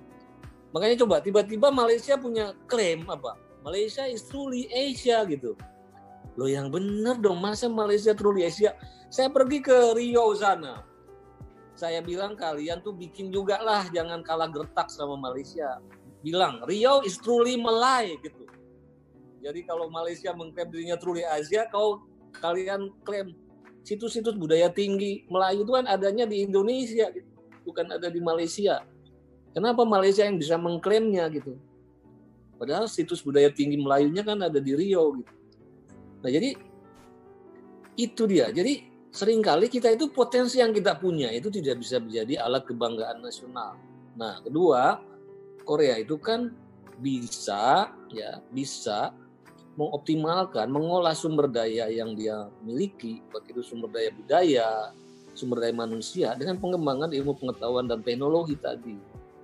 Ya, tiba-tiba saja Korea yang dulu tidak dikenal dengan pop culture-nya, eh dengan teknologisasi itu dengan bantuan mikroelektronik di teknologi digital, tiba-tiba bisa Gangnam Style menjadi demam dunia gitu. Tiba-tiba seluruh standar kecantikan dunia itu ditentukan oleh Korea gitu tiba-tiba K-pop K-pop itu kemudian menjadi standar pop culture dan dia belajar untuk itu lama sekali. Dia belajarnya pertama kan Musashi dari Jepang, terus mengirim sejumlah artis-artisnya ke Amerika, dimagangkan di pusat-pusat perfilman, mencari pengetahuan dari sana. Setelah itu pulang dengan teknologi yang dia punya, mengolah potensi budayanya untuk go global. Sehingga bagi Korea globalisasi tidak satu arah, dia bisa namanya reverse, membalik globalisasi itu. Nah Indonesia ini kan super power budaya dunia. Kata Oppenheimer, kalau apa ya kalau penduduk terbesar di muka bumi kan ada di Asia gitu. Cina, India, Indonesia. Sekarang kalau kita bandingin dia bilang, diversity Cina itu berapa sih? Diversity India itu berapa sih? Tapi diversity kultural Indonesia itu tak terbandingkan begitu kaya gitu. Tapi dengan segala kekayaan itu kok kita tidak menjadi alat untuk bangga dan bisa maju. Nah, artinya ada pertama kita tidak mampu menghargai warisan-warisan arkeologi, warisan-warisan kesejarahan kita dan itu harus diperbaiki. Menurut saya ada kesalahan itu dalam pendidikan sejarah kita. Sejarah kita kan dipotong pada sejarah kolonial aja gitu. Prakolonial itu tidak sungguh-sungguh kita pelajari. Nah, kedua tadi kita perlu meningkatkan penguasaan teknologisasi ilmu pengetahuan teknologi untuk mengucapkan, mengartikulasikan asana yang kita punya itu supaya bisa berbunyi pada tingkat global. Saya kira itu. Terima kasih. Terima kasih Pak Yudi. Mungkin uh, ada tanggapan juga dari Pak Hilmar barangkali. Silakan Pak. Baik, um, terima kasih. Sedikit saja. Saya kira um, kalau dibikin perbandingan, ini yang saya tahu ya, di Korea pun anak-anak nggak senang belajar sejarah, Pak. Ya, jadi ini ini bukan bukan perkara bukan perkara pelajaran sejarahnya keliru, tapi Pak Yudi saya kira tadi bagus sekali. Itu yang namanya pengetahuan sejarah sudah disublimasi ke dalam urusan karakter. Gak lagi muncul sebagai tanggal-tanggal, terus sebagai nama-nama, peristiwa, dan seterusnya, dan seterusnya. Tapi sudah masuk ya dirumuskan sedemikian rupa di dalam karakter dan itu yang dibawa dan mereka tuh bukan lagi memperkuat identitas nasionalnya sendiri gitu bahkan sudah ekspor. Jadi ada anak-anak kita nih sekarang belajar Hangul. Mereka belajar bahasa Korea. Mungkin mereka lebih pandai bahasa Korea sekarang daripada bahasa daerahnya sendiri. Ya. nah itu kenapa gitu ya? Karena memang tampil dalam identitas yang sangat solid gitu. Dan saya kira diskusi kita mestinya ya juga memikirkan itu. Dan ini terkait seluruhnya terlibat. Ginseng itu berjalan berbarengan dengan perusahaan-perusahaan yang namanya Samsung dan seterusnya. Jalan berbarengan dengan urusan identitas. Masuk ke dalam rumah tangga kita dalam bentuk produk-produk. Itu dia. Kita enggak gitu. Kita benahi pelajaran sejarahnya nggak nyambung sama ekonomi sama sekali nggak. Ya. Nggak nyambung dengan apa yang lain sama sekali nggak ada. Terpecah-pecah. Sehingga produksi pengetahuannya tidak pernah menjadi solid. Jadi kuncinya sebetulnya bukan soal kedalaman. Tadi saya setuju ya, bukan kedalaman informasinya, bukan seberapa banyak yang kita teliti. Tapi hasilnya yang kemudian bisa dikaitkan dengan bidang-bidang lain sehingga membentuk yang tadi gitu, identitas yang solid. Saya kenal cukup banyak ya teman-teman di Korea dan segala macam, mereka mengeluh dan mereka bahkan kagum dengan kita. Ya, wah kamu masih ngajarin ya sejarah sampai sebegitu detailnya kalau lihat pelajaran-pelajaran anak sekolah itu kan kalah kita dulu belajar arkeo, belajar sejarah 6 tahun. Kalau saya 6 tahun ya. Mungkin yang mudahan sekarang udah empat tahun gitu. Ya, tapi dibandingkan mereka, mereka bilang enggak. Di negeri kami di Jepang juga begitu. Guru guru teman guru dari Jepang berbahasa Indonesia dia datang ke sini berinteraksi dengan anak murid dia kagum pengetahuan anak-anak Indonesia mengenai tanggal-tanggal dan segala macam segala macam. Kita sebaliknya kagum sama Jepang, bukan karena pengetahuan kedalaman pengetahuan sejarahnya, tapi kemampuan dia mensublimasi informasi yang beragam-ragam macam-macam itu menjadi sesuatu yang sangat solid terkait identitas dan karakter. Problem kita di situ tuh. Ya, bukan soal banyaknya jam pelajaran sejarah gitu, bukan soal berapa banyak yang diteliti, tapi kemampuan untuk merumuskan ya, informasi-informasi mengenai masa lalu, kebudayaan dan seterusnya menjadi sesuatu yang sangat solid gitu di dalam pendidikan karakter. Baik, terima kasih uh, kepada Bapak Yudi Latif dan Bapak Hilmar Farid atas uh, jawabannya. Semoga uh, dapat terinformasi juga kepada Pak Ako ya, Pak. Nah, tadi pertanyaan dari para peserta yang di dalam Zoom. Sekarang izinkan saya kita geser sedikit ke pertanyaan-pertanyaan yang ada di live streaming YouTube. Nah, pertanyaan pertama. Waduh, udah kayak acara kuis. Pertanyaan pertama yaitu dari Zainul Amal Muhammad. Saya ingin bertanya kepada Bapak Yudi Latif. Seperti yang disinggung sedikit sebelumnya, bagaimana caranya menerapkan Pancasila untuk mereformasi pendidikan? Kurang lebih seperti itu Pak Yudi. Uh, dipersilakan Pak Yudi. Iya, jadi sebaiknya nah, nanti baca ini buku mata air keteladanan itu. Jadi kan saya itu begini, saya itu tidak terlalu suka untuk mengutuk mengutuk terus masa lalu gitu. Kalau orang Inggris mengatakan uh, apa every cloud has a silver lining di balik segala kegelapan itu selalu ada pendar cahaya gitu. Yang penting adalah bagaimana kita terus-menerus continuous improvement dari apa yang sudah dikerjakan oleh orang-orang terdahulu gitu. Nah dulu misalnya zaman Orde Baru datang dengan 36 butir gitu. Lalu dihafal. Padahal katanya moral is not touch, but coach moral nggak diajarkan dengan apa, terus ditangkap dengan keteladanan. Tapi saya hargai karya. Kan itu banyak ilmuwan juga yang merumuskan uh, butir-butir itu. Dan sejauh butir-butir tidak ada yang salah. Cuma kalaupun ada sedikit masalah, sering kali confuse antara moral privat dengan moral publik. Tapi ya tidak terlalu salah. Makanya saya sekarang mencoba menyortir lagi dari 36 butir itu menjadi cukup 5 butir, 5 butir jadi 25 butir. Tapi kemudian jadi betul-betul kode moral publik. Nah, tapi kemudian tiap butir itu tidak dihafal, tapi saya kasih contoh-contoh kisah-kisah dari sejarah. Jadi setiap butir itu saya kasih uraian naratifnya dari sejarah. Dan sejarah ini bagi saya bukan sejarah great man, orang-orang besar. Termasuk sejarah-sejarah orang-orang di jalanan. Jadi misalnya ada seorang kenek ya angkutan kota setiap hari pusing dia jam apa bannya itu kena ranjau paku gitu. Waduh dia pusing tiap hari harus memperbaiki ban. Lama-lama dia coba jalan sendiri itu mengangkat ranjau-ranjau paku, tapi kewalahan. Akhirnya dia bikin semacam komunitas sab, saber community namanya, sapu bersih community. Membentuk satu movement di Jakarta untuk uh, mengangkat eh, paku-paku ranjau paku. Nah itu kan contoh Pancasila sekali gitu. Nah misalnya saya juga sekarang tentang bagaimana bangga menjadi bangsa. Ini baru nih ada grup band milenial namanya With Genius nih. Ah, mungkin dia tidak berpikir sebagai juru bicara Pancasila, tapi dia dia melihat potensi digital ini luar biasa untuk karya kreatif dia. Lalu dia menulis bu, menulis lagu, no, judulnya Lati ya, judul bahasa Jawa, tapi dalam liriknya bahasa Inggris. Tapi yang membuat lagu ini distinct karena latar sama instrumen sama tari latarnya itu khasana Jawa gitu, pentatonik tarian Jawa ini ini Towo. Ketika dia upload dalam tiga bulan itu sudah 80 juta viewer di seluruh muka bumi sampai with genius itu gambar dia itu videonya terpampang di billboard di New York gitu kan. Dan dengan itu dunia banyak cari apa ini? Ini tarian apa? Dari mana? Jadi tiba-tiba Indonesia menjadi alat percakapan dunia gitu, wahana percakapan dunia. Dan dengan itu anak-anak mulai bangga juga bisa mengkampanyekan Indonesia pada dunia. Nah ini kan jadi maksud saya pelajaran Pancasila itu harus memberi sesuatu yang inspiratif gitu. Dari kisah-kisah sejarah. Itu baik sejarah orang-orang besar maupun orang-orang biasa kayak Suster Apung Rapi ya yang Andy Kick lah. Kick Andy kan sering itu. Sering menunjukkan keteladanan-keteladanan rakyat biasa. Nah itu itu bisa menjadi alat untuk pendidikan. Nah, pendidikan karakter.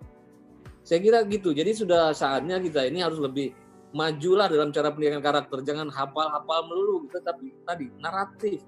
Dan sumber naratif itu bagus kalau sejarah karena sejarah kan selain memberi impresi tapi juga ada presisinya, ada faktualitasnya. Sehingga bisa diyakinkan orang kalau ini bisa kenapa kita tidak? Gitu kan fakta. Itu fakta yang sudah berlaku dia bisa mereka bisa kenapa kita tidak bisa?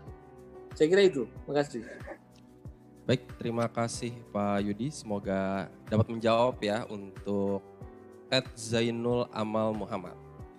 Oke, next pertanyaan berikutnya ini untuk Kepala Pusat Penelitian Arkeologi Nasional ini untuk Pak Grie. Izin bertanya Pak, oh mohon maaf, dari Ed Warung Kopi. Waduh ini namanya Warung Kopi.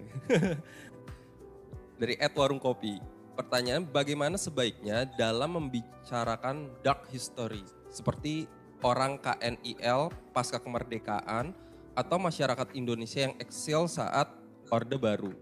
Apakah hal ini memang sebaiknya dihindari atau memang kondisi saat ini tidak siap untuk membahas luka masa lalu? Kurang lebih seperti itu Pak pertanyaannya. Silakan Pak Gria. Ya, eh, terima kasih. Jadi kalau kita berbicara apa namanya itu kesejarahan ya yang terkait dengan uh, masa feodal kemudian juga demokrasi ya. Jadi kita harus memang berani men, uh, mengambil sikap ya. Kalau di demokrasi tentunya sistem uh, kesejarahan yang saya sebutkan tadi ya, bagaimana masa lalu dengan konsep apa namanya itu dewa raja itu Eh, menjadikan eh, apa namanya raja sebagai turunan dewa, apa namanya, mempersonifikasikan raja turunan dewa ya. Itu kan untuk melegitimasi. Nah budaya ini kan berlanjut ya, mentradisi kepada masyarakat eh, belakangan, walaupun masyarakatnya demokrasi. Tapi hal itu masih tetap terlaksana gitu. Tapi ini kan akan menimbulkan masalah ya. Masyarakat itu akan semakin artinya apatis terhadap sejarahnya gitu ya. Nah ini eh, saya kira harus menyesuaikan dengan zamannya. Dan masyarakat sekarang itu kan eh, jeli ya. Masyarakat kritis. Jadi kalau ada hal yang keliru, ibarat Adi Gium, dia mandi di sungai yang dangkal ya, tapi masih kelihatan pantatnya. Gitu. Artinya kebohongan itu kan pasti eh, apa namanya tidak bisa ditutupi gitu loh. Artinya kebohongan uh, sejarah gini maksud saya ini bagaimana apa namanya itu menyandra ya dia uh, menyandra data ya, fakta sejarah untuk kepentingan uh, tertentu gitu ya. Nah ini sebenarnya harus kita cermati supaya jangan anak-anak juga dijejali dengan hal-hal yang memang uh, tidak sesuai dengan fakta sejarah ya. apalagi menjadi pembelajaran. Makanya Pak Toto Kabali Bangka pernah uh, memberikan contoh itu sebenarnya kemasan beliau. Jangan kita jejali anak-anak itu dengan cerita kancil nyolong timun. Itu kritik yang dalam dari Pak Toto itu terhadap para penulis sejarah, mungkin para peneliti terkait dengan uh, penulisan sejarah itu. Nah ini akan menjadikan turun apa namanya tuntunan ya pembelajaran bagi anak-anak kita. Kalau salah kita memberikan uh, pemahaman sejarah dalam karya itu tentunya uh, menjadi hal yang salah juga diterima oleh anak-anak sekolah. Nah, jadi ada suatu keberanian kita uh, memahami sejarah secara kritis. Nah, ini untuk penting untuk mencerdaskan masyarakat dan anak-anak kita memahami sejarah. Saya kira itu, Pak. Ya, terima kasih. Terima kasih Pak Grier. Semoga untuk warung kopi. Ya semoga dapat menjawab ya menjawab pertanyaan dari Ed warung kopi. Ini kayak saingannya Arkenas nih Ed warung kopi nih.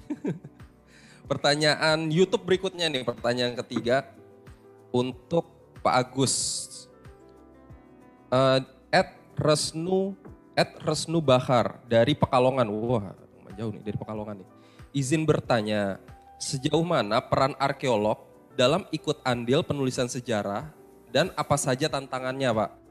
Karena ada beberapa tingga, ada beberapa tinggalan arkeologi yang justru menjadi polemik penulisan sejarah seperti situs Gunung Padang dan situs Biting yang justru membuat seperti kami masyarakat awam tuh kebingungan. Kurang lebih seperti itu Pak pertanyaan dari Resnu Bakar. Mungkin bisa dijawab Pak Agus. Silakan Pak.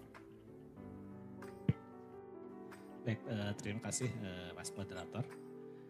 Jadi terkait uh, kontribusi arkeologi di dalam penulisan sejarah, Saya pikir uh, kita mesti melihat bahwa arkeologi itu sejak awal sudah sangat berkontribusi di dalam uh, penulisan sejarah. Kita punya buku Sejarah Nasional Indonesia itu yang ada enam jilid.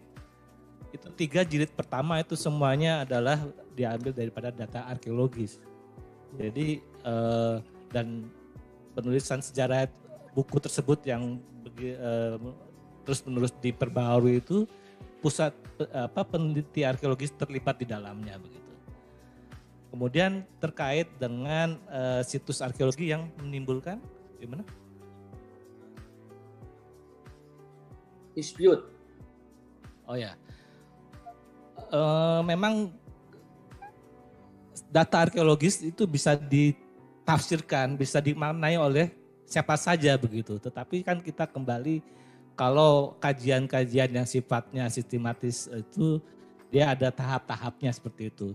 Dia harus bagaimana mengumpulkan data yang benar, bagaimana perekaman, analisis sampai membuat kesimpulan. Itu kan satu rangkaian seperti itu. Maka eh, tentu saja tahap-tahap seperti itu apabila satu penelitian yang sekadarnya ilmiah harus dilalui semuanya gitu. Tapi kalau ada kesimpulan-kesimpulan yang berbeda itu juga masih dimungkinkan sejauh data yang dia sampaikan, tempat yang disampaikan, analisis yang disampaikan mendukung terhadap interpretasinya tersebut seperti itu. Saya kira mungkin uh, kita harus juga belajar untuk bisa menerima perbedaan pendapat seperti itu. Hanya saja nanti kita kembali melihat bagaimana data yang disampaikan, analisis yang disampaikan untuk menarik kesimpulannya tersebut. Saya kira seperti itu. Intinya kepada data ya Pak ya, yang ya, penting datanya. kepada data, bagaimana mengumpulkan data secara benar. Tadi. Siap. Terima kasih Pak Agus, semoga dapat menjawab untuk Resnu Bahar dari Pekalongan. Wah lumayan jauh nih. Nah Tadi kita sudah uh, membacakan beberapa pertanyaan dari YouTube. Uh, mungkin kita balik lagi ke pertanyaan di dalam Zoom karena lumayan banyak antriannya untuk bertanya. Berikutnya untuk pertanyaan dari Zoom uh, dipersilahkan untuk Bu Libra. Bu Libra dipersilahkan untuk menyampaikan pertanyaannya Bu. Silahkan.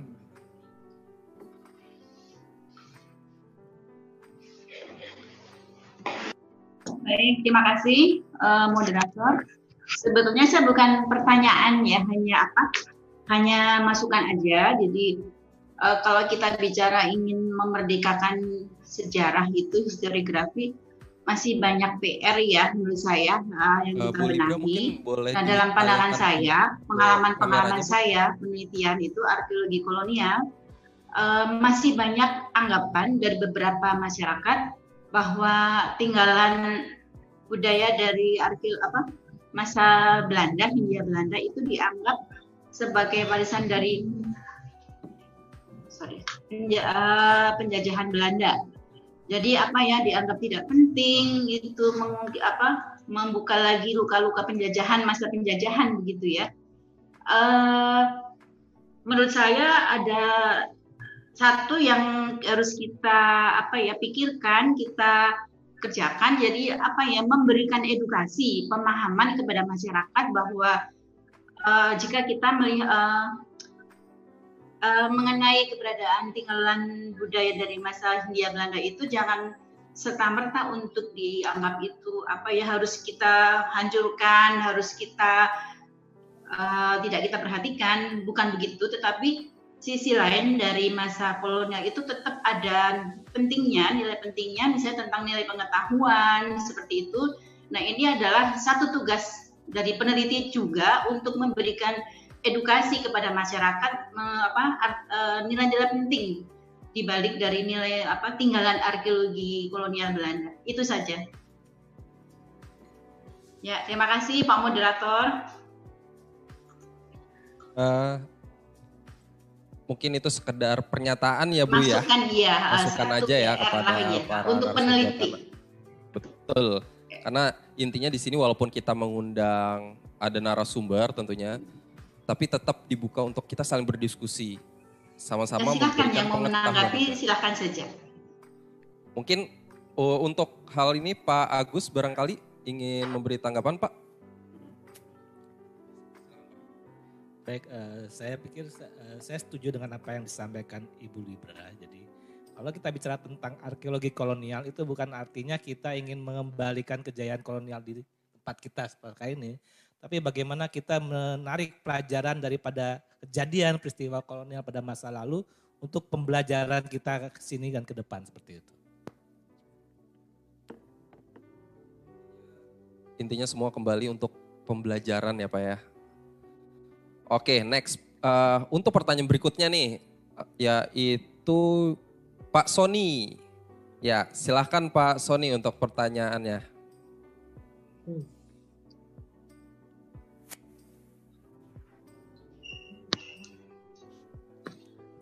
Ya, silakan Pak Sony. Ya, selamat selamat siang Bapak dan Ibu sekalian. Uh, ya, uh, saya tertarik kepada dua prasaran tadi Pak Hilmar dan Pak uh, Pak Latif. Uh, ada hal yang menurut saya cukup penting karena sesungguhnya sebenarnya kita punya file-file masa lalu yang yang apa namanya Eh, tidak pernah dibuka bahkan seperti itu. Jadi ada pengetahuan-pengetahuan yang terbentuk tadi seperti yang dikemukakan oleh Pak Hilmar misalnya itu hanya menjadi pengetahuan yang berhenti seperti itu sehingga tidak pernah dilanjutkan atau dan barangkali ada sesuatu juga yang salah. Tadi sebenarnya sudah di, sedikit dibicarakan oleh Pak Hilmar dalam uh, jawabannya tadi. Uh, satu hal yang barangkali uh, contohnya saja misalnya kalau kita belajar dari tradisi-tradisi kita misalnya dalam pembuatan arak saja misalnya uh, hampir semua uh, apa namanya masyarakat kita bisa membuat arak dengan cara menyuling misalnya seperti itu dengan cara teknis sangat sederhana tapi uh, merupakan satu pengetahuan yang menurut saya cukup uh, menjadi dasar-dasar kita untuk menjadi satu uh, pemajuan apa energi kita misalnya seperti itu. Uh, tetapi uh, saya kira uh, hal, -hal semacam gini uh, tidak ada jembatannya untuk untuk menjadi bagian dari produksi produksi apa uh, apa produksi sosial atau produksi massal seperti itu ya. Misalnya saja uh, biodiesel misalnya. Biodiesel itu baru baru harus sekarang sekarang ini baru disadari. Jadi, jadi sebenarnya kita sudah memulai Eh, sejak lama seperti itu ya. Jadi ada sesuatu uh, pengetahuan atau file-file yang hanya tinggal diam saja gitu, tidak pernah dibuka lagi atau dimanfaatkan kembali. Jadi barangkali historiografi kita barangkali tidak hanya ber, berbicara tentang tentang uh, sebuah peristiwa saja, tetapi bagaimana pengetahuan itu dikembangkan misalnya dan bagaimana sebenarnya permasalahannya bagaimana kita menyambungkan dengan pengetahuan-pengetahuan yang lain yang ada di masa sekarang misalnya. Sehingga apa yang dikatakan oleh Pak Latif tadi bagaimana uh, sejarah bisa menjadi bagian yang penting di dalam kehidupan kita sekarang ini misalnya seperti itu. Jadi uh, barangkali uh, apa ya saya ingin cuma melihat apakah yang bisa apa yang bisa kita lakukan untuk bisa mempercepat lagi misalnya mempercepat pengetahuan-pengetahuan ini menjadi sesuatu yang bisa uh, bermanfaat bagi kita semua. Dan saya kira ini penting untuk uh, jadi pelajaran sejarah yang disebut memerdekakan sejarah. Itu juga menjadikan pendidikan yang merdeka seperti itu. Jadi barangkali ini yang perlu di, di uh, kita sadari bersama dan uh, mencari jalan keluar bagaimana sebaiknya kita bisa mempercepat pengetahuan-pengetahuan kita yang sudah kita miliki ini menjadi pengetahuan yang memang mem, mem, mem, mempercepat peradaban. Terima kasih. Baik, terima kasih Pak Sony. Mungkin uh, tanggapannya dari Pak Hilmar dulu nih. Silakan Pak Hilmar.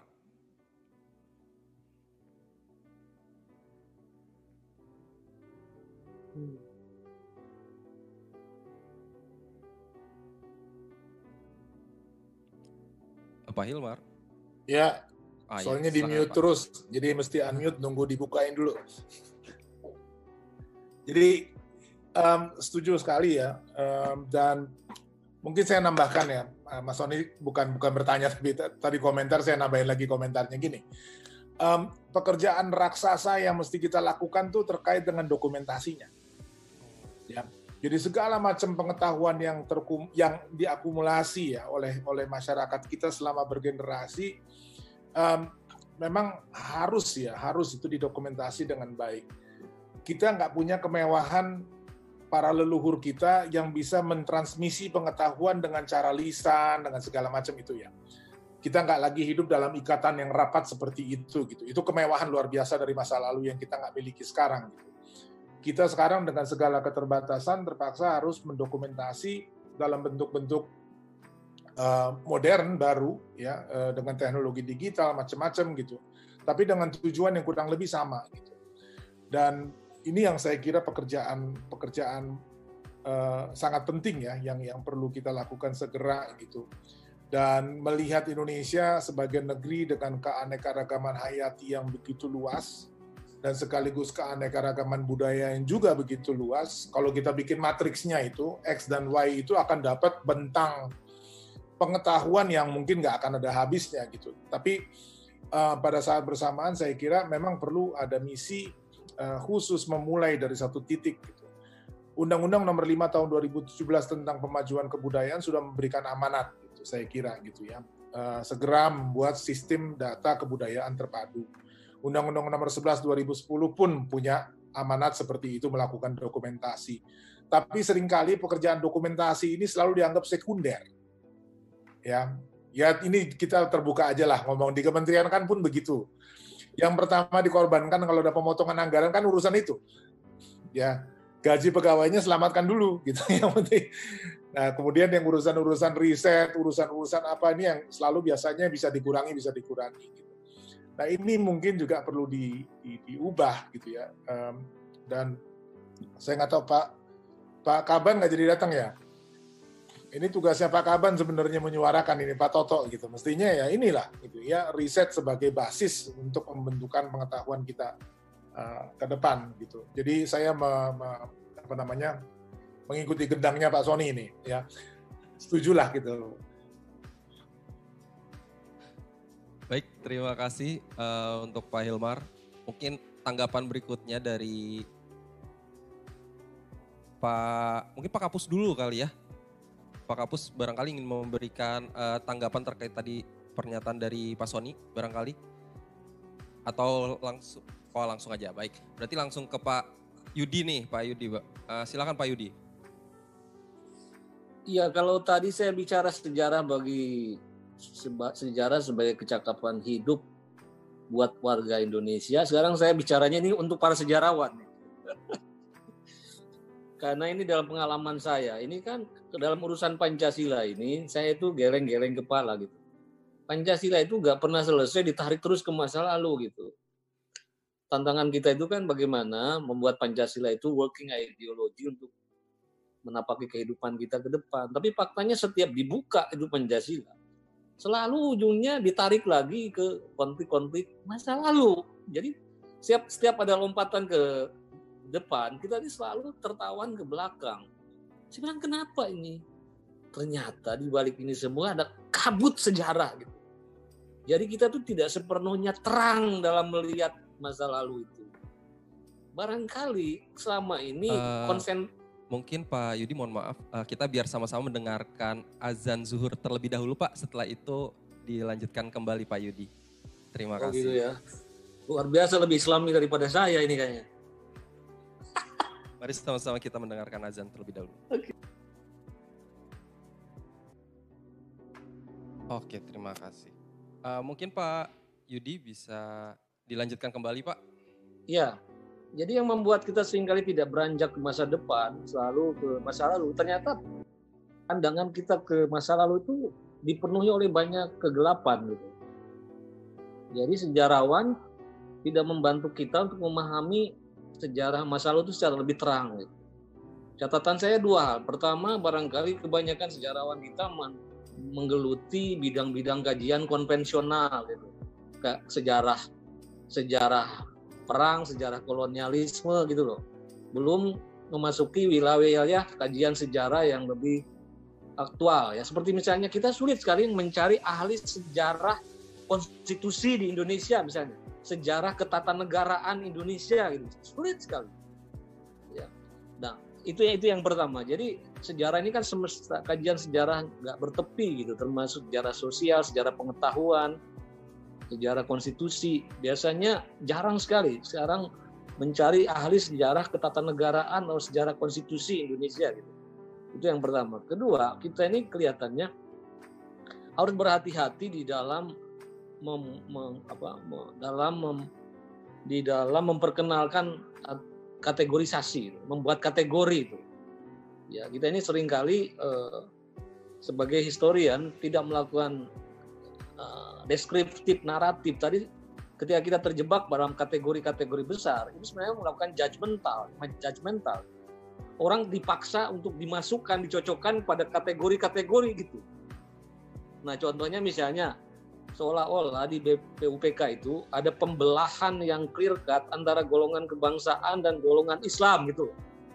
Dan orang dipaksa untuk dikategorisasikan gitu. Ini masuk golongan Islam, ini masuk golongan kebangsaan dan seolah-olah ada mutually eksklusif gitu.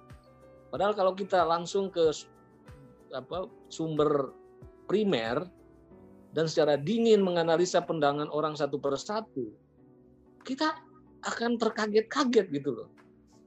Ternyata di dalam golongan kebangsaan juga tidak homogen, di dalam golongan Islam juga tidak homogen gitu Misalnya dalam golongan Islam ada orang kayak Agus Salim yang tidak setuju dengan tidak punya pikiran tentang membentuk negara Islam ataupun negara agama.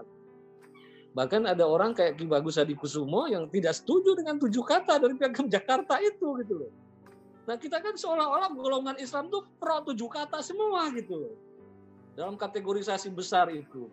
Sebaliknya di dalam golongan kebangsaan juga kan tidak homogen Ya, ada misalnya orang kayak Abdul Rahim Platari Krama, priayi dari Kediri, yang mengusulkan adalah Presiden Indonesia itu orang Indonesia asli beragama Islam gitu. Jadi gagasan ini kan tidak muncul dari kelompok Islam gitu, tapi kan dari kelompok kebangsaan juga gitu. Nah, kategorisasi yang mutually eksklusif itulah yang menyisakan kepada kita seolah-olah kita ini ada permusuhan abadi antara Islam versus nasionalis. Nah ini pelajaran terpenting dan itu kadang-kadang para Indonesianis itu, para Indonesianis itu banyak yang secara melakukan sweeping generalization seperti itu, generalisasi secara serampangan itu gitu. Yang sisa-sisanya itu kita dapati hari ini seolah-olah tidak ada apa namanya jembatan penghubung atau kelompok-kelompok yang berdiri di antara gitu. Jadi golongan kebangsaan juga ada yang jadi perekat, golongan Islam ada yang jadi perekat. Kalau enggak ada yang berdiri di tengah-tengah kan tidak mungkin ada ada konsensus di antara kita gitu.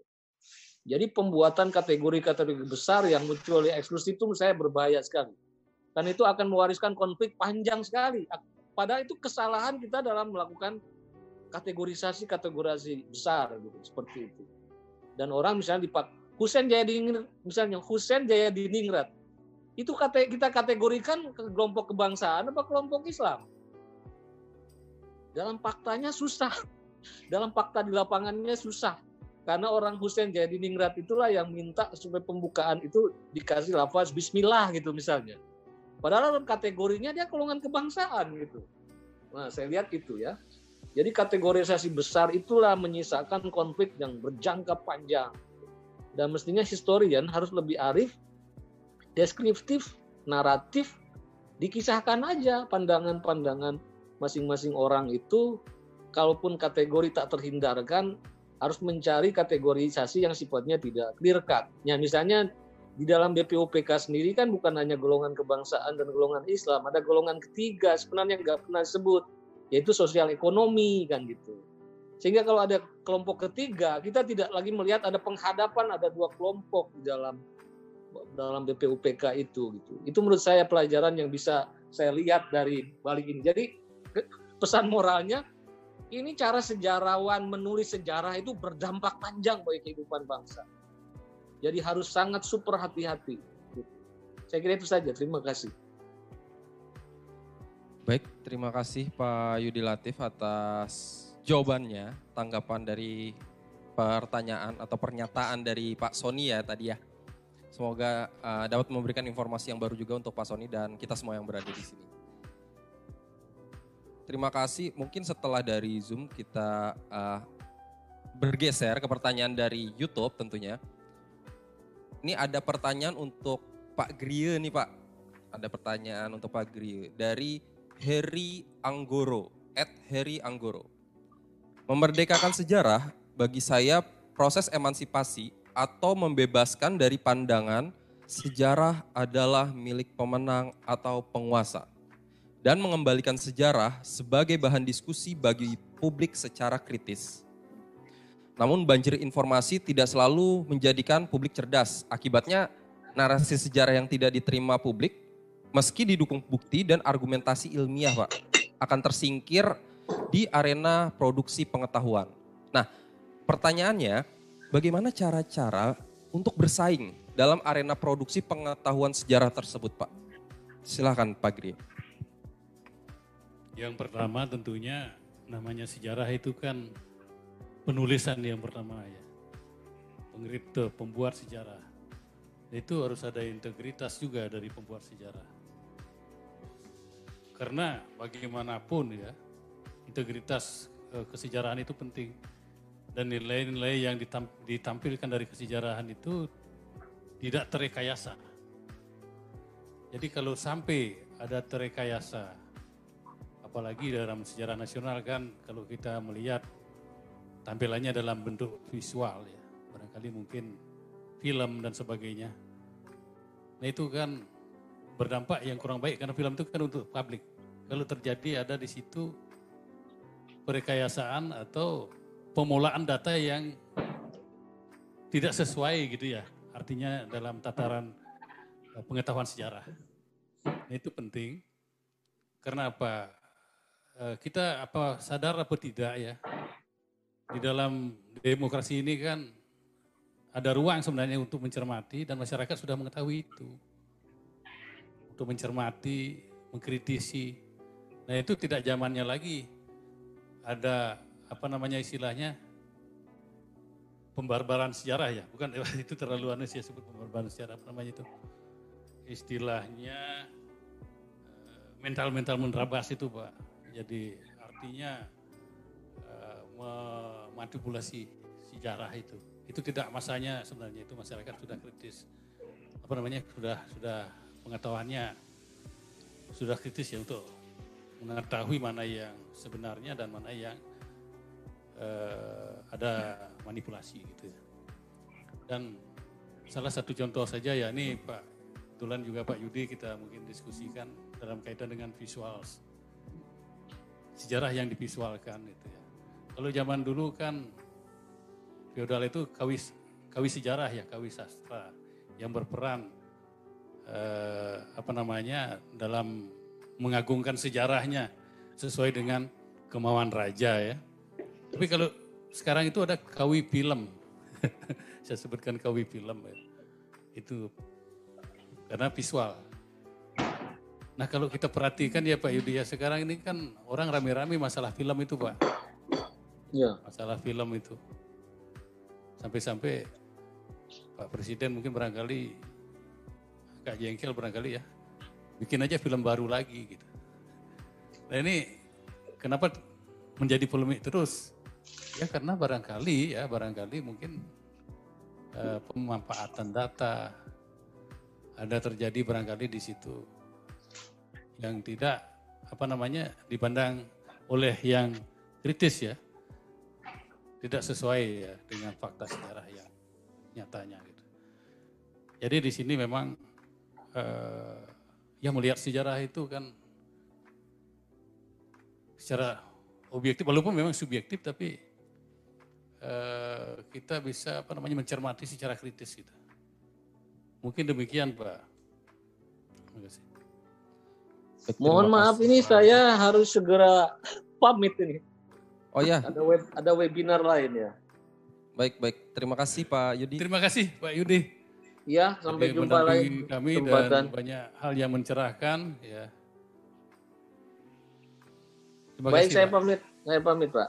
Ya, Oke, oke. terima kasih Pak Yudi. Assalamualaikum. Waalaikumsalam. Nah ini untuk pertanyaan terakhir sebelum ditutup ya eh, pertanyaan dari YouTube nih eh, kepada Pak Agus dan Pak Grie. Dari Caitra Teja Kirana. Pertanyaan uh, sejarah hanya terjadi satu kali, tidak bisa diulang kembali. Namun setiap generasi akan memiliki interpretasi sendiri-sendiri yang berbeda-beda. Nah, tanggapan Bapak dengan pernyataan ini seperti apa, Pak? Mungkin dari Pak Agus dipersilakan, Pak. Baik, eh, terima kasih eh, Mas Moderator. Jadi memang kita sadari bahwa data arkeologis yang sampai pada kita itu tidak ke seluruh, pasti dia eh, komplit begitu. Jadi ketika eh, satu interpretasi dilakukan itu kan berdasarkan data yang ada pada saat ini gitu. Bisa jadi eh, 10 tahun atau 20 tahun kemudian interpretasi itu berubah ketika ada data baru. Saya kira itu suatu hal yang wajar ketika ada informasi baru, data baru, analisis baru yang bisa merubah eh, apa yang dulu sudah menjadi sesuatu yang katakan kebenaran begitu.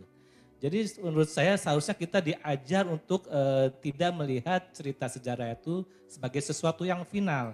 Tapi bagaimana kita melihat, melihat, uh, melihat secara kritis dan melak, terus melakukan uh, riset, uh, riset, riset uh, uh, untuk mendapatkan, untuk melengkapi data-data yang sudah ada sebelumnya. Saya kira seperti itu Mas. Baik, terima kasih Pak Agus. Mungkin tambahan dari Pak Gria barangkali Pak. Seperti dikatakan Pak Agus, saya kira itu riset itu berperan penting ya. Memang sejarah itu uh, hanya terjadi satu kali. Ya, jadi itu saya kira itu riset berperan penting. Kemudian mengkritisi, kita kan sekarang kesempatan untuk mengkritisi sejarah ya. ya.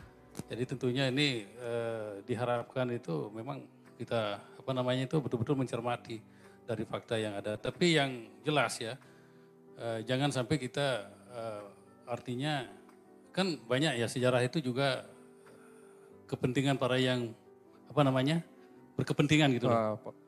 Jadi keperluan sejarah itu dimanipulasi untuk ya untuk kepentingan individu atau mungkin golongan itu. Nah ini yang eh, mereka yasa sejarah ini yang kurang tepat ya, yang kurang mencerdaskan. Nah itu kita diharapkan itu bagaimana kita bisa mengkritisi sejarah itu, memberikan manfaat tentunya ya, baik itu pemahaman kita terhadap uh, apa namanya itu sejarah itu dan latar belakang sejarah yang kita ketahui itu kan sebenarnya tidak semua sejarah itu mempunyai keharifan yang bagus ya. Tapi memberi tuntunan itu kan ada juga nilai kearifan sejarah itu yang bisa kita pakai tuntunan sebagai soko guru. Nah itu barangkali mungkin itu yang perlu diangkat gitu ya dan mengkritisi yang tidak sesuai mungkin dalam arti memberikan manfaat untuk kita ya. Terima, mungkin mungkin begitu Pak. Ya, Baik. Terima kasih untuk tanggapannya dari Pak Agus dan juga Pak Giri ya tentunya. Semoga uh, menjadi informasi yang baru juga untuk Ed Caitra Teja Kirana. Kurang lebih seperti itu. Terima kasih. Dan sampailah kita di penghujung acara tadi sudah ada beberapa diskusi tentunya dari narasumber, kemudian diskusi juga dari uh, apa namanya para peserta tentunya. Izinkan saya sedikit memberikan uh, kesimpulan dari kegiatan kita pada siang hari ini. Intinya seperti ini. Sejarah itu penting untuk melihat dan mempelaj untuk uh, untuk melihat dan mempelajari masa lalu dan juga masa kini kedua sejarah itu memberi hikmah di masa kini dan masa yang akan datang loh. Oleh karena itu, kita harus memberi ruang kepada publik dan pendidikan untuk memahami sejarah secara kritis.